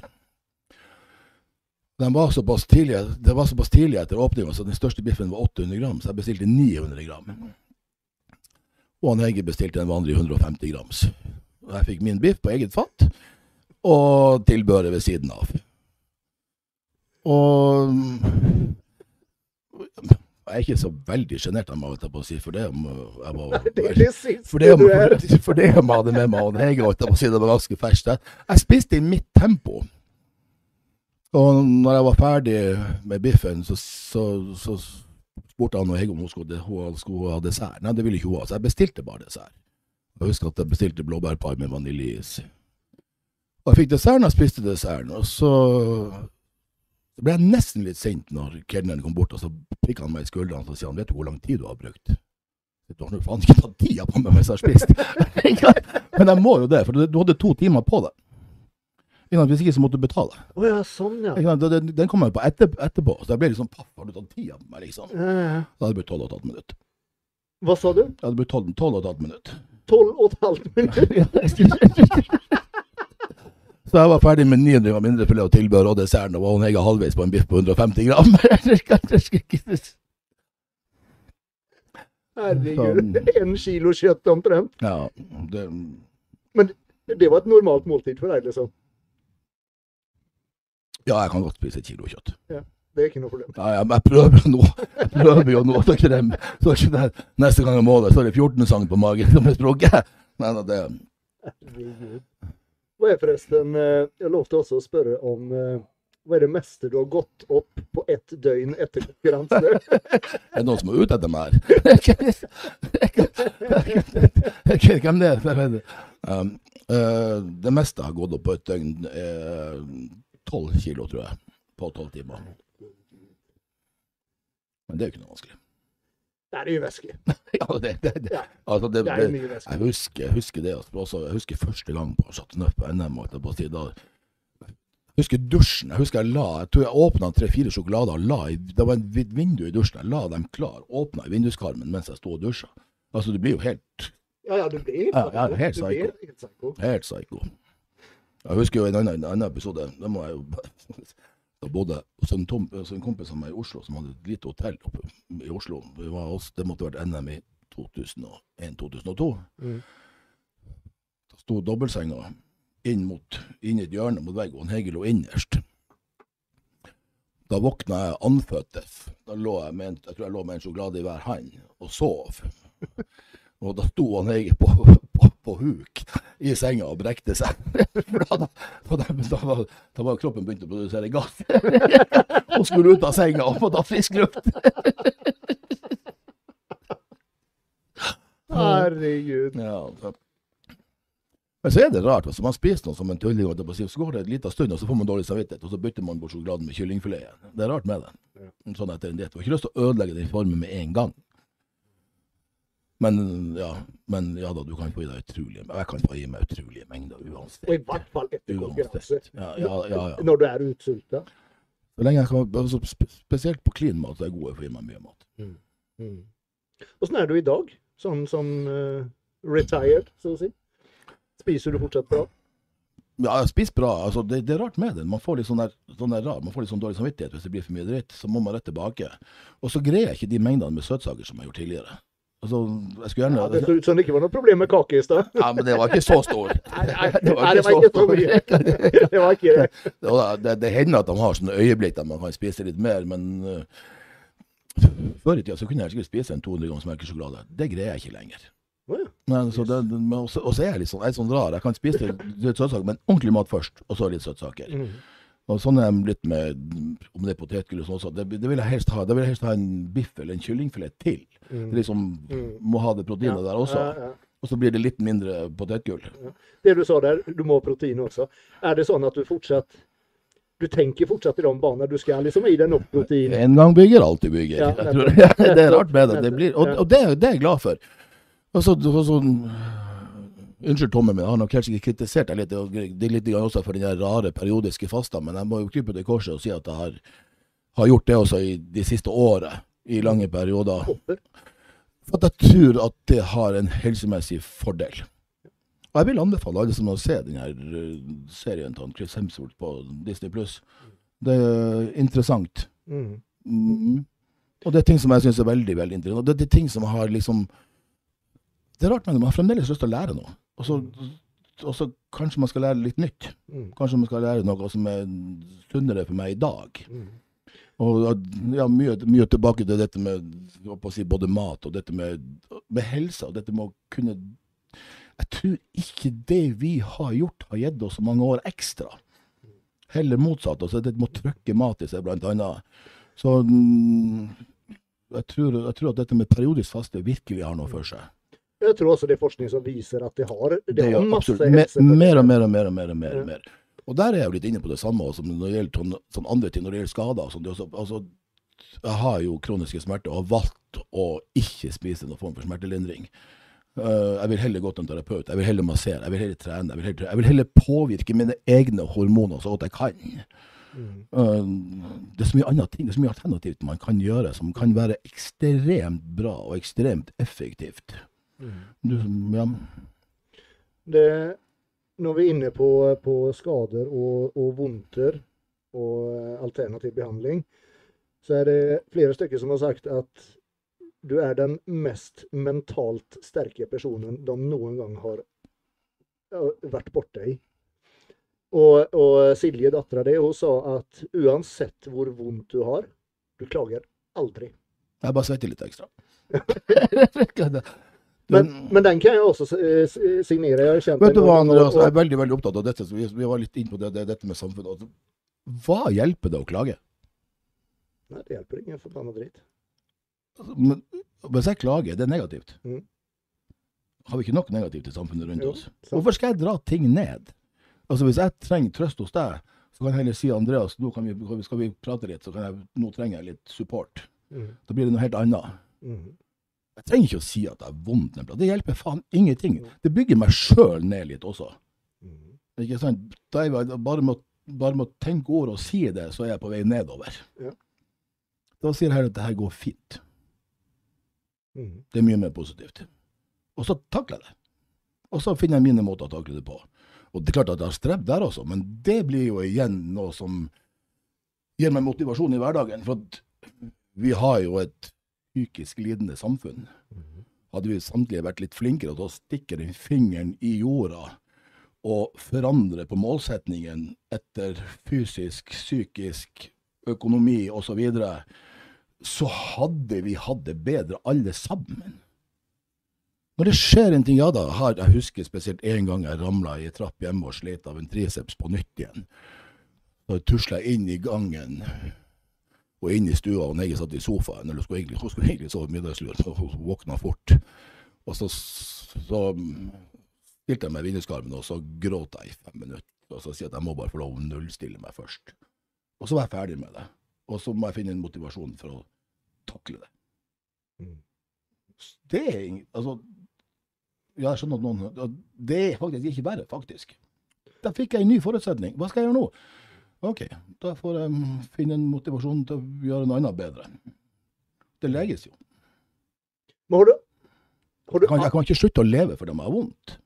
Nei, nei, selvfølgelig ikke. Men, men har du alltid hatt den, den, det positive mindsettet? At du alltid Ja, det tror jeg. Du har alltid vært sånn? Ja, og så og så tror jeg faktisk at jeg kan nyte det også når jeg har det litt vondt. Det, det har jeg egentlig litt for sjelden. Jeg greier å ta det ganske fort. Men jeg husker en gang jeg våkna, det er mange mange herrens år siden, og så våkna jeg, så var jeg litt lei meg, og så gråt jeg litt da, og så, så sier hun Hege hva er det for noe? Og så sier jeg til hun Hege at da gleder jeg faktisk å si det til Hege. Bare slapp av, la, bare la meg nyte det. Og det mener jeg egentlig. Man skal føle på de nyttårene også litt. Grann. Så så jeg på klokka, og så nøt jeg det, og så etter 15 minutter så måtte jeg begynne å jobbe med hodet mitt. Og så greier jeg å stå opp og like vel ikke bli. Det går an. Ja, ja, ja, tydeligvis. Men Man, det, man må jo leve etter de, altså de forutsetningene man har. Jeg slutta å være blid på morgenen for at det er vondt? Jeg slutta å være blid på, altså generelt gjennom dagen for at jeg, men det er jo for det folk gjør. Det er jo det folk gjør. Ja, hva det hjelper? Nei, ikke en forbanna dritt. Du, du, du får det bare enda verre. Ja, men hva, hva som skjer med dem du har rundt deg? Ja, sant. Får dem det bedre da? Nei, Ikke i det hele tatt. Og så må jeg si at Altså, ta nå en helt vanlig influensa, holdt jeg på å si. Det har alle sammen. Har du ordentlig influensa, så har du ikke krefter engang til å klage og syte.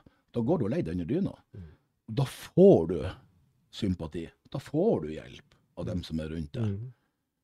Jeg tror veldig mange har vanskelig for å hjelpe. For den sytinga og bæsinga For meg så blir det sånn at OK, har du krefter til å syte og bæse, så har du det ikke ille nok. Da må du i hvert fall si det på en annen måte. Da må du heller be om litt hjelp. Mm. Um, jeg akter å ha det bra til den dagen jeg går under. Det er min, det er min målsetning. Mm. Og det livet her er for kort til å ha det kjipt. Ja, det er sikkert. Så da, og da må man takle disse forutsetningene som man får tillit i løpet av livet. Mm. Og det, og det er klart det, det er vanskelig av og til. altså klart at Tro hvor jeg har slitt med den i ryggen den i foten. Og på å si, Og nå når det skjedde med halve overkroppen i tillegg, nå har jeg gått på krykke i så mange år at nå mm, sliter jeg med nakken, og jeg skulle vært operert, men øh, Ja, OK, du må jobbe litt med deg sjøl, Mm. men jeg får ikke gjort noe med disse forutsetningene. Jeg må, sånn er det. Jeg må bare leve med det også, i tillegg. Mm. Og jeg, jeg tenkte på det senest i dag, når jeg har vært hjemme og bare lekt bare med strikk i et par dager.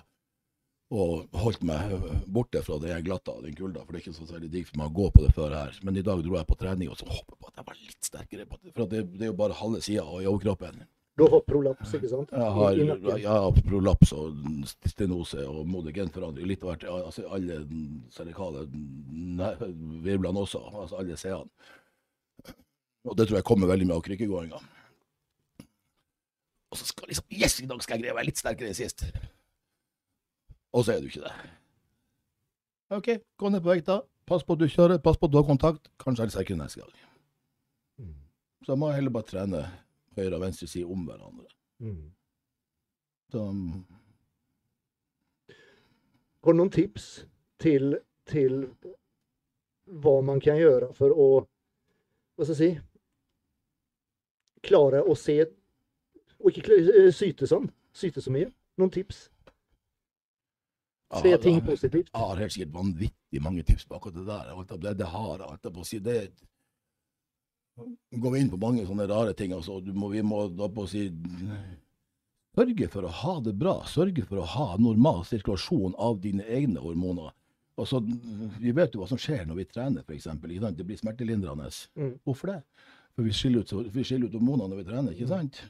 Det er jo lykkehormoner. Mm. Vær fysisk aktiv. Mm. Pass på at du omgås med folk som du trives med. Mm.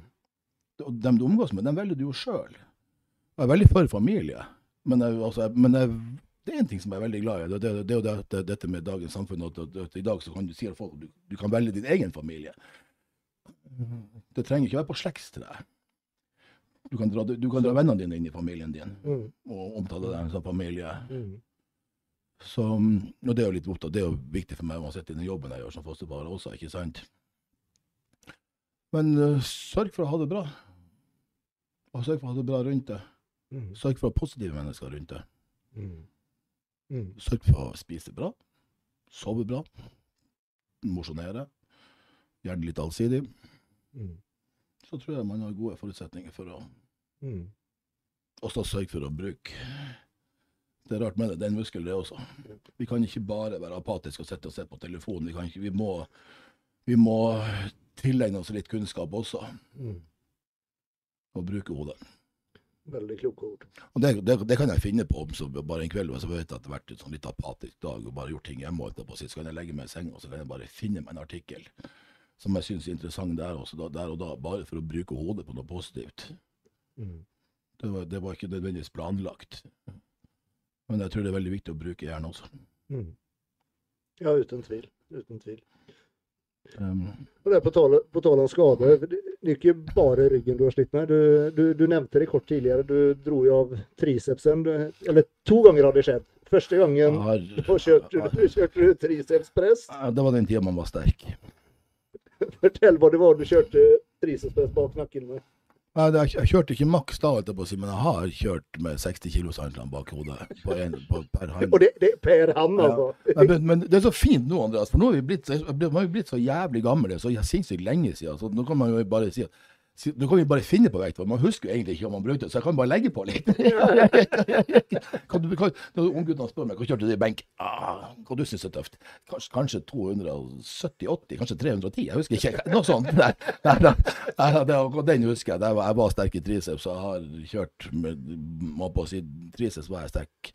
Men på det gymmet hadde de ikke så tunge håndklær, så jeg, jeg hadde en 47 håndtel. Jeg var i bursdag hos Frode Andresen, han Gesp-Frode, i, i Halden. Og vi hadde tid til en tur på gymmet før festen begynte. Og vi var på Herregud. Sats, Benz, Sats, var det vel da. Mm. Og det var siste sett, og hadde ikke vondt i albuen lenger, som jeg bestandig var litt plaga med. Altså, så jeg løfta opp til 47 kilo og kjørte sju eller åtte repetisjoner. Altså, det var i hvert fall på siste repetisjon. Og så hørte jeg bare det smalt, og den kommer ned. Så da gikk den rett av. Det var første. Og så ble det en, to rupturer i låret, og det ble en på andre tricepsen, og jeg slitt av langhodet på bicepsen og slitt av noe i skuldra. Og så har, så har jeg helt sikkert jeg har helt sikkert de siste årene 20-30 rupturer. Altså, men, men ikke så mange totalrupturer. Jeg har bare 1, 2, 3, 4, 5, 6 totalrupturer. Skal jeg også bare nevne da når du skulle, for Jeg husker jeg veldig godt, når du skulle operere den tricepsen. Du fikk vel noen betennelse i såret etter, Ja, det, etter det, operasjon? det har jeg faktisk. Har, det, det, det har vært en sånn liten sånn traume for meg etter alle disse operasjonene jeg har hatt. og sånne ting. At, Det har alltid vært noe. det, det, det kan jeg med hånda på hjertet si at jeg har hatt x antall på å si, operasjoner og vært innlagt på sykehus. Mm. Hver gang så har det vært komplikasjoner. Hver Ja. bidige gang. Mm. Men, gang, og, men en ting som jeg bestandig har litt hatt skrekken for, det er dette når du har hatt et, et operasjonsår eller et sår som er sydd. Liksom det her med at Hva du tror hvis stingene går opp? Altså Hvis de tar dem for tidlig, og så går såret opp. Og så hadde jeg vært og tatt stingene og lagt på en ny ortose på armen. Hadde vært og trent, og så syntes jeg det, det klødde sånn i gipsen, og så, og så lukta det litt stygt også. Så jeg gikk på badet mitt i gammelhuset oppe i andre etasjen, så hopper jeg på rumpa på vasken, og så setter jeg ser i spillet, og så klemmer jeg bare bak ortosen, og så ser jeg inn i gipsen, og så ser jeg at såret står vidt åpent, og så å, herregud, så sier jeg han Heie, vi må kjøre bak gutten! Hva er det nå som har skjedd? og, og, så, Jeg kommer, hun kommer aldri til å glemme den turen uansett, fordi vi, vi kjørte mot Tønsberg. Og så pissregna det. Sånn alvorlig troperegn. Og så punkterte vi. På E18. Og det var ikke noe kult. Men det, vi, fikk, vi, fikk noe, vi kom oss nå videre og fikk noen til å komme og hjelpe oss og videre. Jeg kom på sykehus, og det endte jo med at da var det, da var det jo selvfølgelig stafylokokker i såret. og det, det endte med at jeg måtte inn til Tønsberg annenhver dag i lang og tid. Jeg husker, Og jeg husker første gangen så gikk de med 12,5 cm gummislange inn i armen og 2,5 dl med saltvann som de spylte ut og dro ut. Og det lukta ikke godt. Og det var ikke noe særlig kult. Så, men det er jo en av dem Ja, det, her, det der har jeg opplevd så mye rart. Og det, det, det, mest, det verste var den gangen jeg- Det fikk jeg faktisk vite òg. Jeg skjønner ikke at de holdt det skjult, men jeg var så jævlig forslått. Det var under en annen operasjon. Da hadde de mista meg i gulv. ja, det husker jeg nå når du sier det. Jeg skjønte jeg var så veldig forslått at jeg våkna av narkosen. Da hadde da jeg ramla av operasjonsbordet ned i gulvet under operasjonen. Kom, den kom til neste operasjon, så kom de trillende inn med to sidebord og to sånne lange, tjukke sånne velcro-bånd som de stroppa meg fast på bordet med. Drev du og bevega deg da? Mens du, Ja, det, vet du, det fikk jeg egentlig aldri noe svar på. Det har jeg ikke spurt om heller. Men det er jo rart, man var jo så ofte på det sykehuset i Tønsberg i en periode at nå når jeg skulle ha en journal for den operasjonen som jeg skulle vært gjort i nakken, så ringte jeg bort til henne. Jeg kjenner henne på navn, hun som er sjef på ortopeden, på si og Wenche, så spør jeg om hun kjenner meg. Ja, hei, Thomas, sier hun. Hun kjente meg igjen. Og det, det er en stund siden sist. Så skulle jeg få sendt over journalen til Rikshospitalet, og så sier hun etterpå, så sier hun Uh, ja, hils han Hege, sier hun også. Så husker han navnet på han Hege også. Så, ja, ja. ja, ikke sant. Ja, for det var vel eh, Ja, du skulle jo operert nakken nå for noen uker siden, men det, det ble noen ja, det ble litt komplikasjoner der også. Du holdt nesten på å stryke meg, Var det ikke Ja, det hørtes i hvert fall sånn ut, Av men jeg merka ikke noe forskjell. Nei, nei. men operasjonen ble ikke gjennomført, i hvert så, fall. jeg så noe var gærent når jeg våkna, så, på å si, så fjesene til Hege og Silje. Men, øh, men der øh, jeg fikk så, å si, så, så lavt blodtrykk etter Jeg reagerte på narkosen. Så når, når Siljan Hegge ringte til sykehuset og spurte hvordan det gikk med meg, så da lå jeg da lå jeg på intensiven i respirator. Så det blir ikke noen operasjon der da, eller? Mm. Jo, hvis det blir verre, så blir det det. Jeg jeg- det. Det fortsatt meningen at det skal gjøres. Jeg skal bare gjøre noen undersøkelser først. Jeg har fått undersøkelse både for hjertet nå i januar, og så har jeg fått undersøkelse, og så skal jeg ha det for en sånn nerveblokade som jeg har fått time for i februar. Uh, men så det, det skjer ting oppi her av og til. Så jeg er liksom litt sånn der at jeg skal greie å trene meg rundt det. Altså med å gå ned litt, få litt mindre væsketrykk, med å tøye og tøye og tøye litt i nervene, altså disse spesifikke nerve, Mm, mm, mm, mm. Da har jeg litt lyst til å prøve å, å, å, å unngå det. Det er ikke at jeg ikke tør lenger, men du får jo litt sånn her uff. Ja, det skjønner det skjønner men, men så har jeg jo andre, som så, da har jo familien også, ikke det? Det skal jo hensyn der også. Så hvis jeg greier å trene meg rundt det, så skal jeg prøve det jeg kan, for å se om jeg greier det. Mm. Så får vi se. Men altså, det er såpass akutt at, og det er veldig ubehagelig, for jeg har det jo hele tida. Det stråler hele tida. Og så er det litt smerte også innimellom, og så er det den svekkelsen. Og det, jeg trenger den styrken for at jeg kommer til å gå på krygge resten av livet. Mm. Så, mm, men hvis det blir svakere, så kommer jeg til å gi beskjed med en gang. Ja. Mm. Skjønner. Vi tar en kort reklame igjen.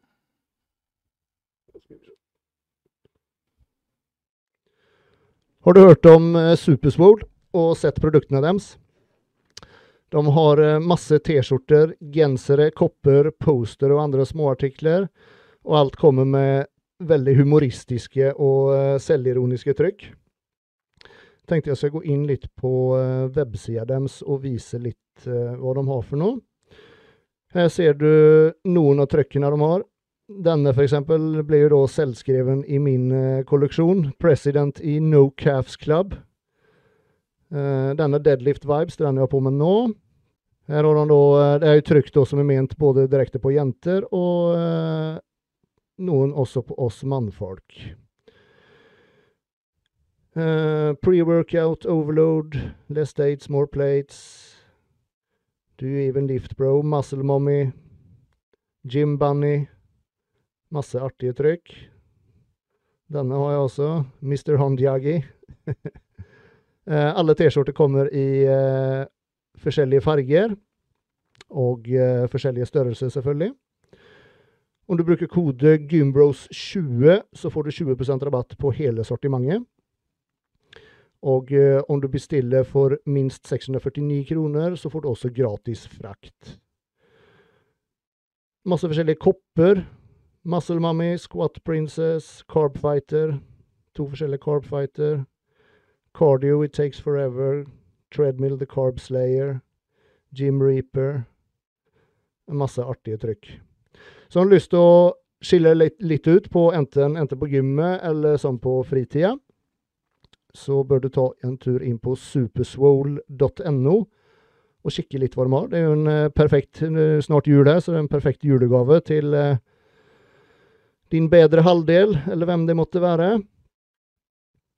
Og husk da kode Gymbros20, så får du 20% rabatt på hele sortimentet hos superswole.no.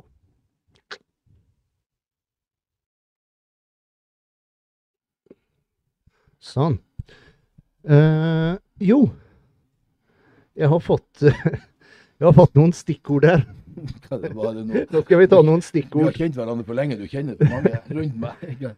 Jeg har hørt dette før, men, men jeg husker ikke. Men jeg kommer huske det nå når du forteller det. Men om jeg sier eh, Vollankrysset, skinntruse og håndjern Jeg vet ikke om det var skinntruse. Det var på utrydningslaget mitt, og det var jo min gode forlover som hadde ønska på noe faenskap. På den tida så var det en, kjent, en kjent personlighet, Bjørn Bømmen Johansen. eh, fotballtrener, og, og tidligere veldig gode fotballspillere som hadde pønska ut noe de skulle gjøre noe faenskap med. Men de var for så vidt snille, de dro meg ut av byen. Men de skulle absolutt ha meg i trusa i et, i et skilt, i et, veik, altså i et veikryss. Så, men eh, ja, jeg jobba i døra noen år, så jeg skjønte at det var noe faenskap. så jeg hadde, hadde, en, hadde heldigvis en håndjernnøkkel i munnen. Så, så jeg lot dem sette meg der, og så ventet jeg til de var gått, og så låste jeg den opp og så gikk jeg satte meg i bussen og kledde på meg. Så de skjønte ikke så mye når jeg kom tilbake i bussen. Hvor i gutten har du fått tak i det der? Det Ja, jævlig bra. Og Ann Hege hun nevnte også at det opp gjennom tidene har vært utrolig vanskelig å kjøpe klær til deg. De, liksom, Det er nok pga. lengda. de, ser, de ser veldig store ut i butikken, men så når du skal prøve det, da sitter det som en kondom. Ja, det- jeg, å, jeg trodde det var pga. høyda. Nei da, men jeg har bestandig greid det. Jeg har hatt klær på meg gjennom hele oppveksten. Det. Men det har vært litt komplikasjoner innimellom, ja. Og det, det, det, så det, ja, det er nå bare å ha tilgang på en skredder og bare være litt tålmodig. og det, Du finner store størrelser etter hvert, men det er ikke like lett bestandig. For du har vært bra tung på det største. Du har vært opp mot 130 kilo. Jeg satt og bladde gjennom bildene. Jeg skulle sende bildene til deg. Jeg holdt på å sende det til deg også, for da, står jeg på vekta. Så tar jeg bilder av tærne mine og vekta, og da sto det 137. 137? Har du vært så tung? Ja, da, jeg har vært så feit. Ja, ja, det, ja du var ikke i form da. Nei, det, For du var ikke sånn at du, du på en måte var nøye med formen off season? Eller nei, nei, nei, nei, nei, aldri. Altfor glad i mat. det. Jeg må si som repris, jeg må ha den maten. Jeg skal aldri gidde å gjennomføre det. Men vil jeg, si- vil jeg si at, at så glad som du har vært i mat, det å, det å gå på diett, har det vært et helvete for deg? Nei, det er bare å begynne tidsnok. Og det er det med mindsettet, det, når du først har bestemt deg for noe? det, det, det er bare å sette en dag og en dato og starte. Mhm. så, så enkelt er det. Og så er det egentlig bare å starte tidlig. For at, altså, når du skal begynne å spise klint, si, så er det utrolig mye mengder mat du tåler. Mm. Det er det. Ja. Uh, kom inn noen eh, kommentarer her. Ja, vi kan ta det etterpå. Uh, følger du med noe på bygging i dag? Ja. Skal du se Olympia nå i helgen? Jeg vet du hva? En av mine største problemer gjennom hele livet har vært søvn. Jeg kommer til å være våken innimellom, for jeg våkner av meg sjøl. Såpass spent er jeg jeg kommer inn og ser litt. Men jeg, jeg streamer det ikke, for jeg, jeg gidder ikke å ødelegge det nattesøvn. Det er så viktig for meg også i dette, dette med, med smertebehandling og sånt også. Så jeg prøver. At du holder liksom så- Ja, prøver å holde rytmen og legge meg og, og prøve å få mest mulig søvn, for det er såpass viktig sånn som jeg har det i Mm. dag. Mm. Eh, Men det er jo det første jeg kommer til å se på, og jeg, og jeg kommer til å være våken. Jeg kommer nok til å måtte pisse både to og tre og fire ganger den natta. Så da må jeg opp og se. Veld, i, år, er jeg veldig spent, og det, det er veldig mange mann. Det er lenge siden det har vært så mange. Og mange gode. Og, mange, og veldig mange nye. Og det er veldig mange av de nye jeg er spent på. Jeg, jeg, si, jeg er ikke i tvil om at jeg vet hvem som vinner, men jeg er veldig spent på hvem som kommer bak og banker på døra. Jeg tror det kommer noen og banker hardt på den døra etter hvert. Ja, det er mange det er og artig med sånne generasjonsskifter. Mm. Og det har vi absolutt i, byg i bygginga. Ja, jeg følger med. Jeg følger med. Nå var på å si jeg følger med i Norge, og det kan jeg ikke si at jeg gjør, men jeg var på å si jeg var og så på i år for at gjøre var med, altså en av mine beste kompiser. Så da måtte jeg se på. Det, og det var veldig, veldig morsomt. Men jeg har ikke vært så veldig ivrig i Norge i det siste.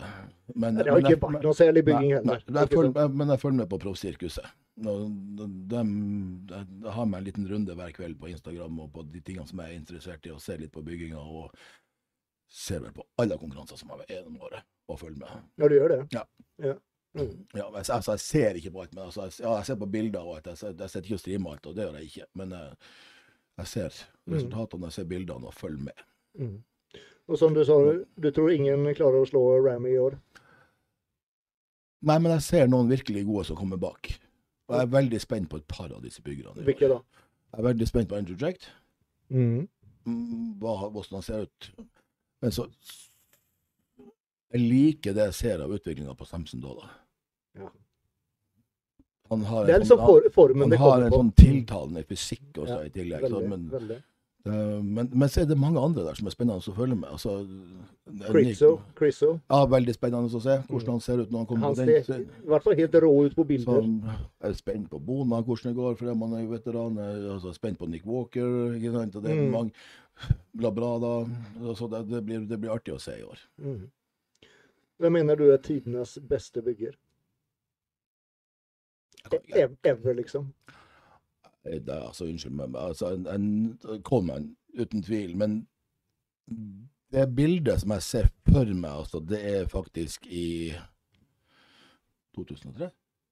Var ikke da, var ikke da han gjorde comeback? Ja, nei, gjorde, ja, når han kom tilbake Cutler. mye tyngre, ikke sant? Cutler kom tilbake og slo og vant. Eh, nei, det var i 2009. 2009. 2009 mente jeg. Sorry, 2009 mente jeg, for 2008 vant Dexter. Dexter. Og det er liksom det eneste personen som har kommet, som har vunnet og kommet tilbake og vunnet. Og det det her stumpbildet og det, og det, Men med den, med den der selvtilliten, når han kommer inn på scenen du, du ser at han nå vil jeg, det her er noe spesielt, det her vil jeg vise. Mm. Det er bare helt magisk. Når jeg, når jeg så den senest her om dagen, når man går ut på scenen. Ja. Helt sykt rå fysikk det året. Mm. ja, da var han god. Ja, Cutler var helt. Og det stuntbildet er liksom på høyde med disse Per Bernal-bildene av, uh, av Coleman. Men du mener eh, Coleman er beste ever?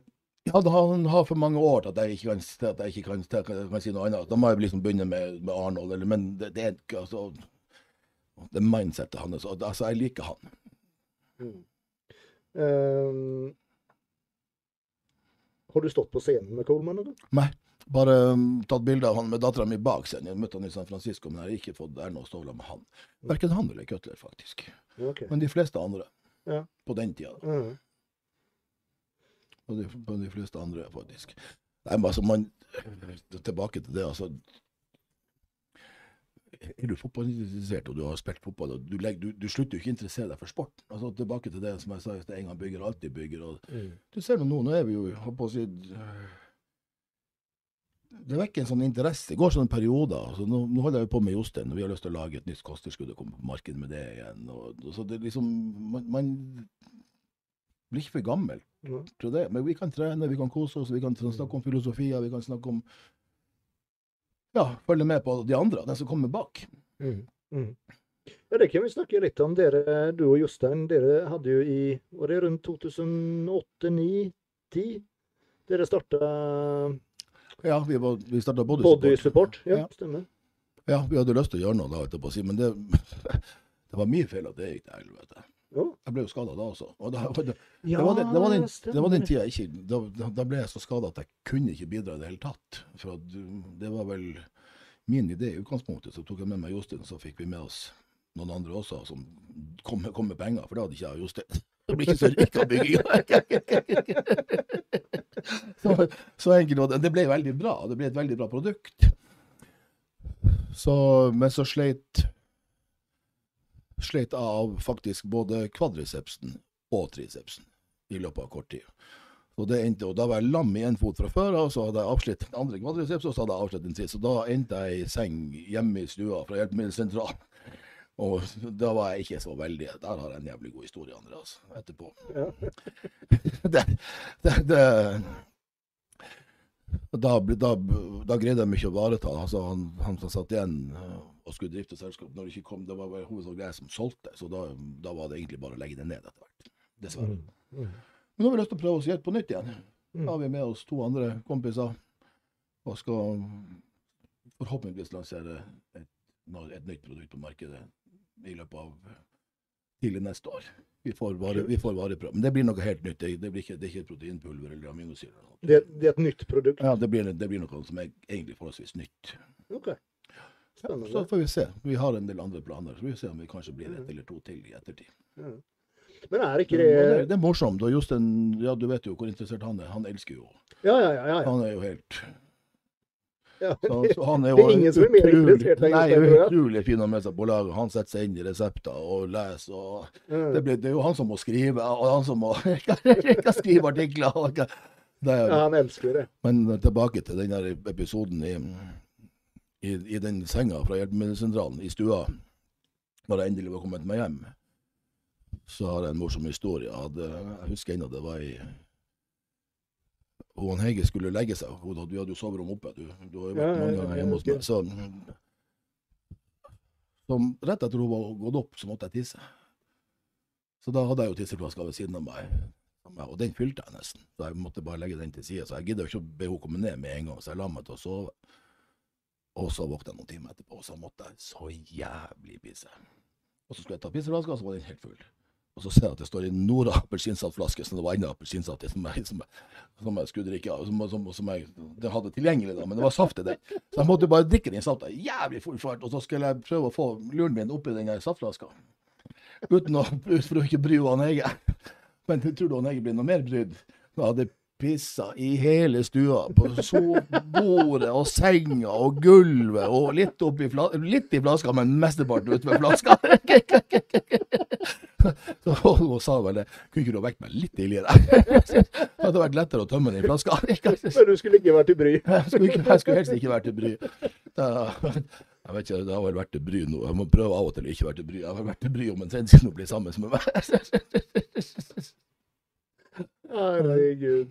Nå har jeg fått litt erfaring med Ja, ja, ikke minst. det. Herregud. Eh, skal vi se, En som spør her hva du tenker om Chris Bumstead. Følger du med på classic eh, fysikk og de, de andre klassene også? 212-byggingen.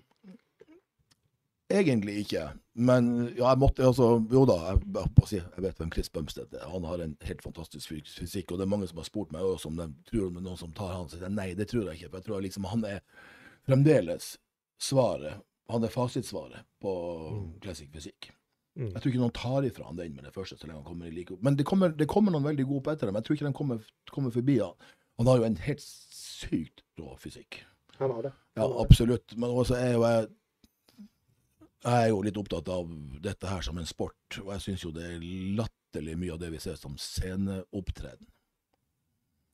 Um, egentlig at nå, nå tror jeg vi får et kjempeløft på Olympia. Vi har hatt et løft gjennom hele året på proffstadiet. De er blitt flinkere, mye mye flinkere. Og heldigvis, takket være Classic Fysikk Mm. Han vet han som kom på andreplass i fjor, Røff Diesel. Ja. Sånn skal man posere. Mm. Han imponerer meg. Mm. Hva du tror hvis alle sammen kunne ha en sånn sceneopptreden? Og der var jo jeg ekstremt heldig i min tidsepoke, som fikk lov å stå på scenen med ja, alt ifra Markus, han var ikke så flink, men det var sykt å se på. Og Lee Priest er veldig dyktig. Uh, Gourmet var dyktig.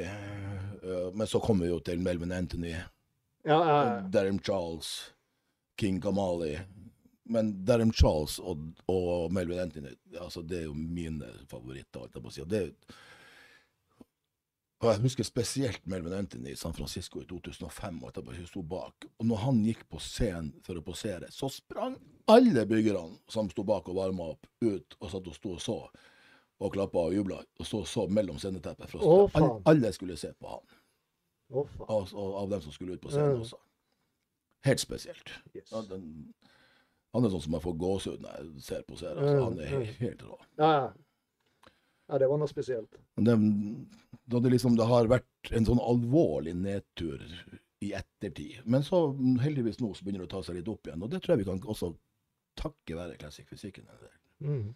Og Røff Diesel, Ja, Røff Diesel det er jo Ja, jeg bruker å sammenligne han med Lilla Brada, som er en av mine favorittposører. Men da går vi enda litt lenger tilbake i tidsepoken. Mm, mm. Det er vel nesten ingen som er flinkere enn han å bevege seg. For han er så flink å bevege beina også.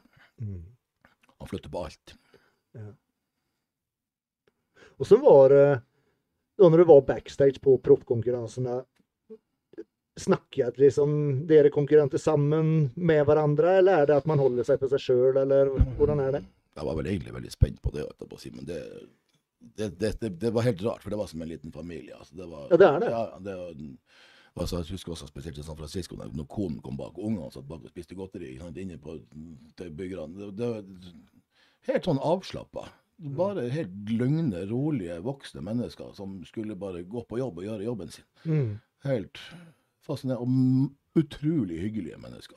Du møter, du møter altså det selvfølgelig er det Craig Titus, da? Jeg har hørt mye historier om Ja, han. ble jeg stående og snakke med ganske lenge i Orlando etterpå, så jeg lurte på hvorfor han sto med Jeg gikk bort og prata med han, for vi sto og skulle bli airbrusha etterpå, så han sto Jeg snakka med han en god del kveld før, ja, faktisk. Men så på, på, på konkurransedagen også, for han sto med to colabokser på brystene. Jeg skjønte ikke hva han holdt på med, etterpå, men da hadde han faktisk akkurat vært operert bort litt hud. Men han, han var ut, faktisk veldig, veldig trivelig. Ja, var det? Da, ja, utrolig, altså. Men så klikka det jo han for han. Men det er klart, Ja. der var det dop og alt mulig. ja, det var, det var mye rart. Det var mye bildet. rart. Ja. Men han fremsto på meg som en veldig likende person. Ja. Det, Mm. det har Altså, de aller, aller fleste Det er noen som har skilt seg litt ut. Det er det. Og det er, også, det er litt morsomt, for jeg hadde jo Flex Wheeler som coach fra San Francisco til Australia i 2005. Å, faen. Hvordan kom det seg? Nei, det var bare tilfeldig. Jeg møtte han bare som Vi ble, vi ble pratende bak scenen. Da han var Du, i San Francisco. du kommer alltid i prat med Ja, alle. så, så, så, sier jeg, men du skal jo til, du skal jo til Australia etterpå å og være med dit. og du skulle, Kan ikke du bare hjelpe meg, coache meg den siste uka? Eller om det var ei uke eller to uker. Eller, eller litt over ei uke var det. Nei, det, det, det var ingen problem. Så jeg var liksom løpegutten for han den, den lille uka der. Jeg fikk litt ekstra cardio når jeg skulle springe og kjøpe frukt og potetgull. For den uka der så spiste han faktisk bare frukt og potetchips med barbecue-smak. Han, han har sine merkelige ting. Men han var, men si, vi fikk en god dialog, så det endte jo med at jeg tok han med meg til, til Sverige, til fitnessfestivalen. Jeg ordna han inn dit som, uh, for å holde seminar. Og det husker jeg så godt også, for da, da fikk han jo spørsmål om hvem som hadde vært den største drittsekken i, i sirkuset. Så gliser han bare, så sier han bare Det var meg, sa han. det, Fordi Uten tvil. Han hadde vært Han var sånn. Han var, han var i klysa. Men han, han, hadde, han hadde det fremdeles i seg. Han, altså, han hadde, du du merka litt av det. for Når vi skulle ut på kvelden og spise, så Det var ikke på Fitnessfestival. Det var på, hva heter de andre som er, som var i Sverige, som lå litt utenfor Stockholm der? Herregud. Nutrition Outlet Grand, Grand Prix? Masseltech Grand Prix? Nei. Nut- Heter det ikke Nutrition Outlet Grand Prix? Jo, jo, jo, jo, for mange år siden. Ja, ja, stemmer det. Der var det med med der. For der ligger jo kinarestauranten, og så ligger Mækkern på andre siden av Mm, gata, rett mm. vi, ikke sant? Mm. Da var der han hadde med meg. Øh, eller fikk han dit, da. Og vi alle ville på kinarestaurant, ikke han. Han ville på Mækkern. Og han var pissur. Eller sånn, han, han skjønte ikke det, han ville dit, men han ville være sammen med oss da. Så, så han spiste, og så bestilte han kinamat, og så fikk han, øh, jeg tror det var kylling, chop suey eller så tok han, plukket han bort alt av grønnsaker, og så fikk han en sånn her som du har slå sukker i teen. Ja. Og så sukra han maten sin. Massevis oppå Og kylling. pass på seg. Pass på Ja. Fikk han masse sukker oppå kyllinga, så spiste han. Mens han satt og skulte bort på McDonald's, og var litt grumpy. Men han, men han, han, var jo, han er jo en vanvittig trivelig fyr i dag. Altså, Ja, ja, han er helt annerledes. Var dette etter han hadde operert for nyere, eller fått ny nyre? Han hadde nyresykdom da, ja. Ja, Ja, han hadde ja, Ja, ja, ja. ok. ja, han var jo lagt opp da, så det her, er jo, det her var i 2005. Men han hadde ikke mista beina og sånn? Nei, nei, nei. Å, faen. Herregud. Så, men det, det, altså, sånn er det jo i all idrett. Altså, det er det jo sånn, om det er fotball eller golf eller bygging. Det er noen som skiller seg ut på positiv Mm. side, noen som skiller seg ut på negativ Mm. side. Sånn er det med mennesker generelt. Ja, det sant. Men jeg var veldig overraska over den altså, si, Både i Norge, Skandinavia for så vidt, på den tida, og ute i verden. Mm. Utrolige sånne leid Jeg husker Silje gikk bort til Lee Priest i garderoben og spurte om hun kunne ta bilde av Ja, ja, ingen problem, men nå må du legge deg ned sammen med meg. Ikke sant? Så da, da, da, da bilder av meg, så ligger hun lamma på gulvet. Ja, det har jeg sett. Ikke sant? Så liksom, det er liksom Det er lett å snakke Markus Ruhl holdt på å si den største og styggeste av dem alle, holdt jeg på å si. Unnskyld, men jeg tror ikke alle skjønner, alle skjønner hva jeg mener. Det på. Skrem, mest skremmende mente jeg. Mest laidbacke person som var. Ikke sant? Det virker kanskje ikke sånn at når vi- om vi snakker ut han, så er det jo bare, bare trivelig. Det er jo bare en, altså, jo større, jo snillere. Sånn tenker, liker jeg å tenke. Vi tar en kjapp reklame og så et par spørsmål til.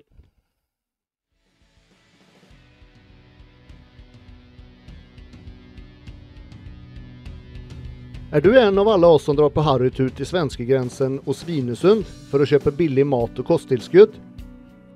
Neste gang du drar så bør du absolutt ta turen innom Hälsokostbolaget ved gamle veteranen på Svinesund. Med svenske priser får du der kjøpt alt du trenger av kosttilskudd, treningsklær, hudvårdsprodukter og helsekost. Med et stort og bredt sortiment finner du alltid det du er på jakt etter, og når man topper det med kunnig personal, personlig service og uslåelige priser, så blir du alltid en meget fornøyd kunde. Hälsokostbolaget lagerfører mange anerkjente varer og merker, og nå får du 10% rabatt på hele sortimentet om du oppgir kodeordet Gymbros. Altså om du oppgir kodeordet Gymbros, så får du 10% rabatt på hele sortimentet hos Hälsokostbolaget.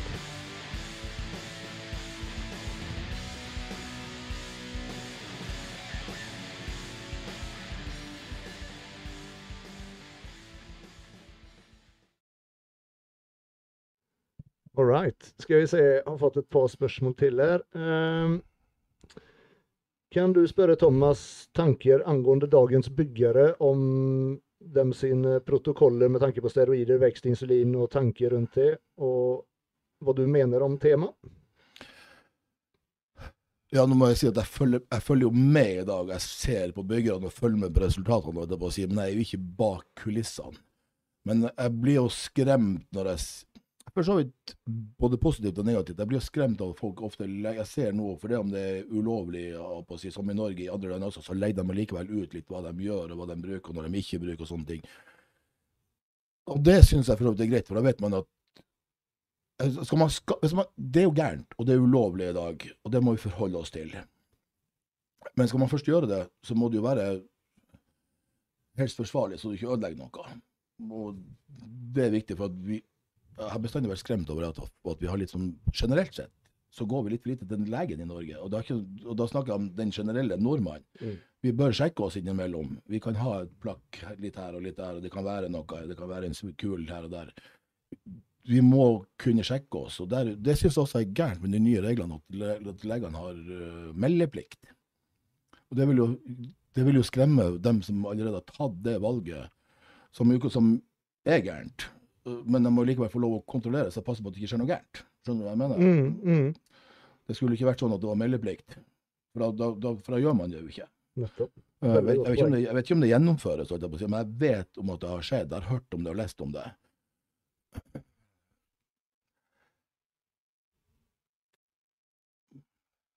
Det der er et problem i all idrett, dessverre.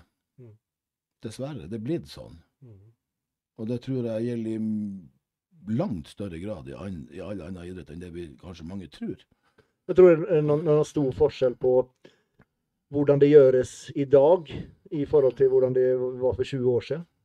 Det tror jeg. Jeg tror det må, det må utvikle seg, det også. Mm. på, på, og jeg tror i mange tilfeller at det utvikler seg på negativ måte. Det, man ser det med alt dette som er si, gærent fremstilt og selges som si, Om det er dop til, til voksne eller ungdom, eller om det er steroider til idrettsutøvere. så jeg tror det er mye, mye, veldig mye rart. Det er veldig mye profitt der.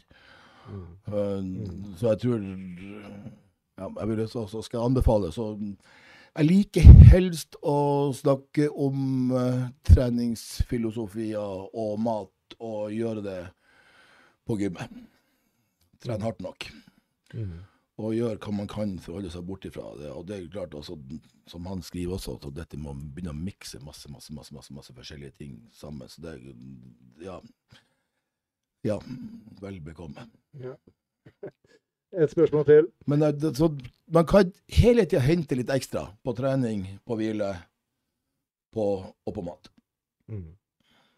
Ja, for det, Da- da er det er uansett det viktigste. Har du ikke det på plass, så Da, er man litt tøffere, holdt jeg på å si. Det, det, det er så mange som tror at det der også er en sånn voldsom snarvei, men altså Ja, Du må uansett trene og spise riktig, ellers så har det ingenting å si. helt rett. Mm. Et spørsmål til. Hva er Thomas' beste metode for å trykke på seg mest mulig masse, med tanke på maten og den biten? Spise alt man kommer over? Nei, spiser mye clean mat og trener tungt, og godt med hvile. Altså, hva annet kan jeg si? Mm. Og igjen, som du sier tidligere, si, så avhengig av hvilken type genetikk, om du treffer om den metoden du har valgt, om den treningsmetoden du har valgt passer for deg der og da.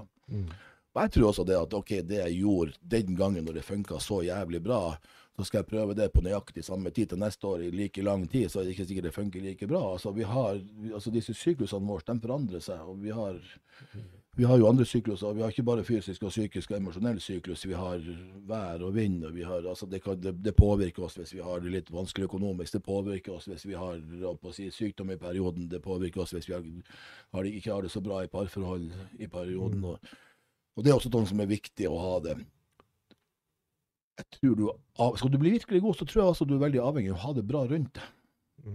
Og der har jeg vært veldig privilegert, som har hatt verdens beste kjerring og verdens og å si, Dattera mi syntes jo her var dødskult, ikke sant? så hun Mm. var jo gjerne med og var med og reiste rundt omkring og hadde det veldig lettvint der. Og full støtte.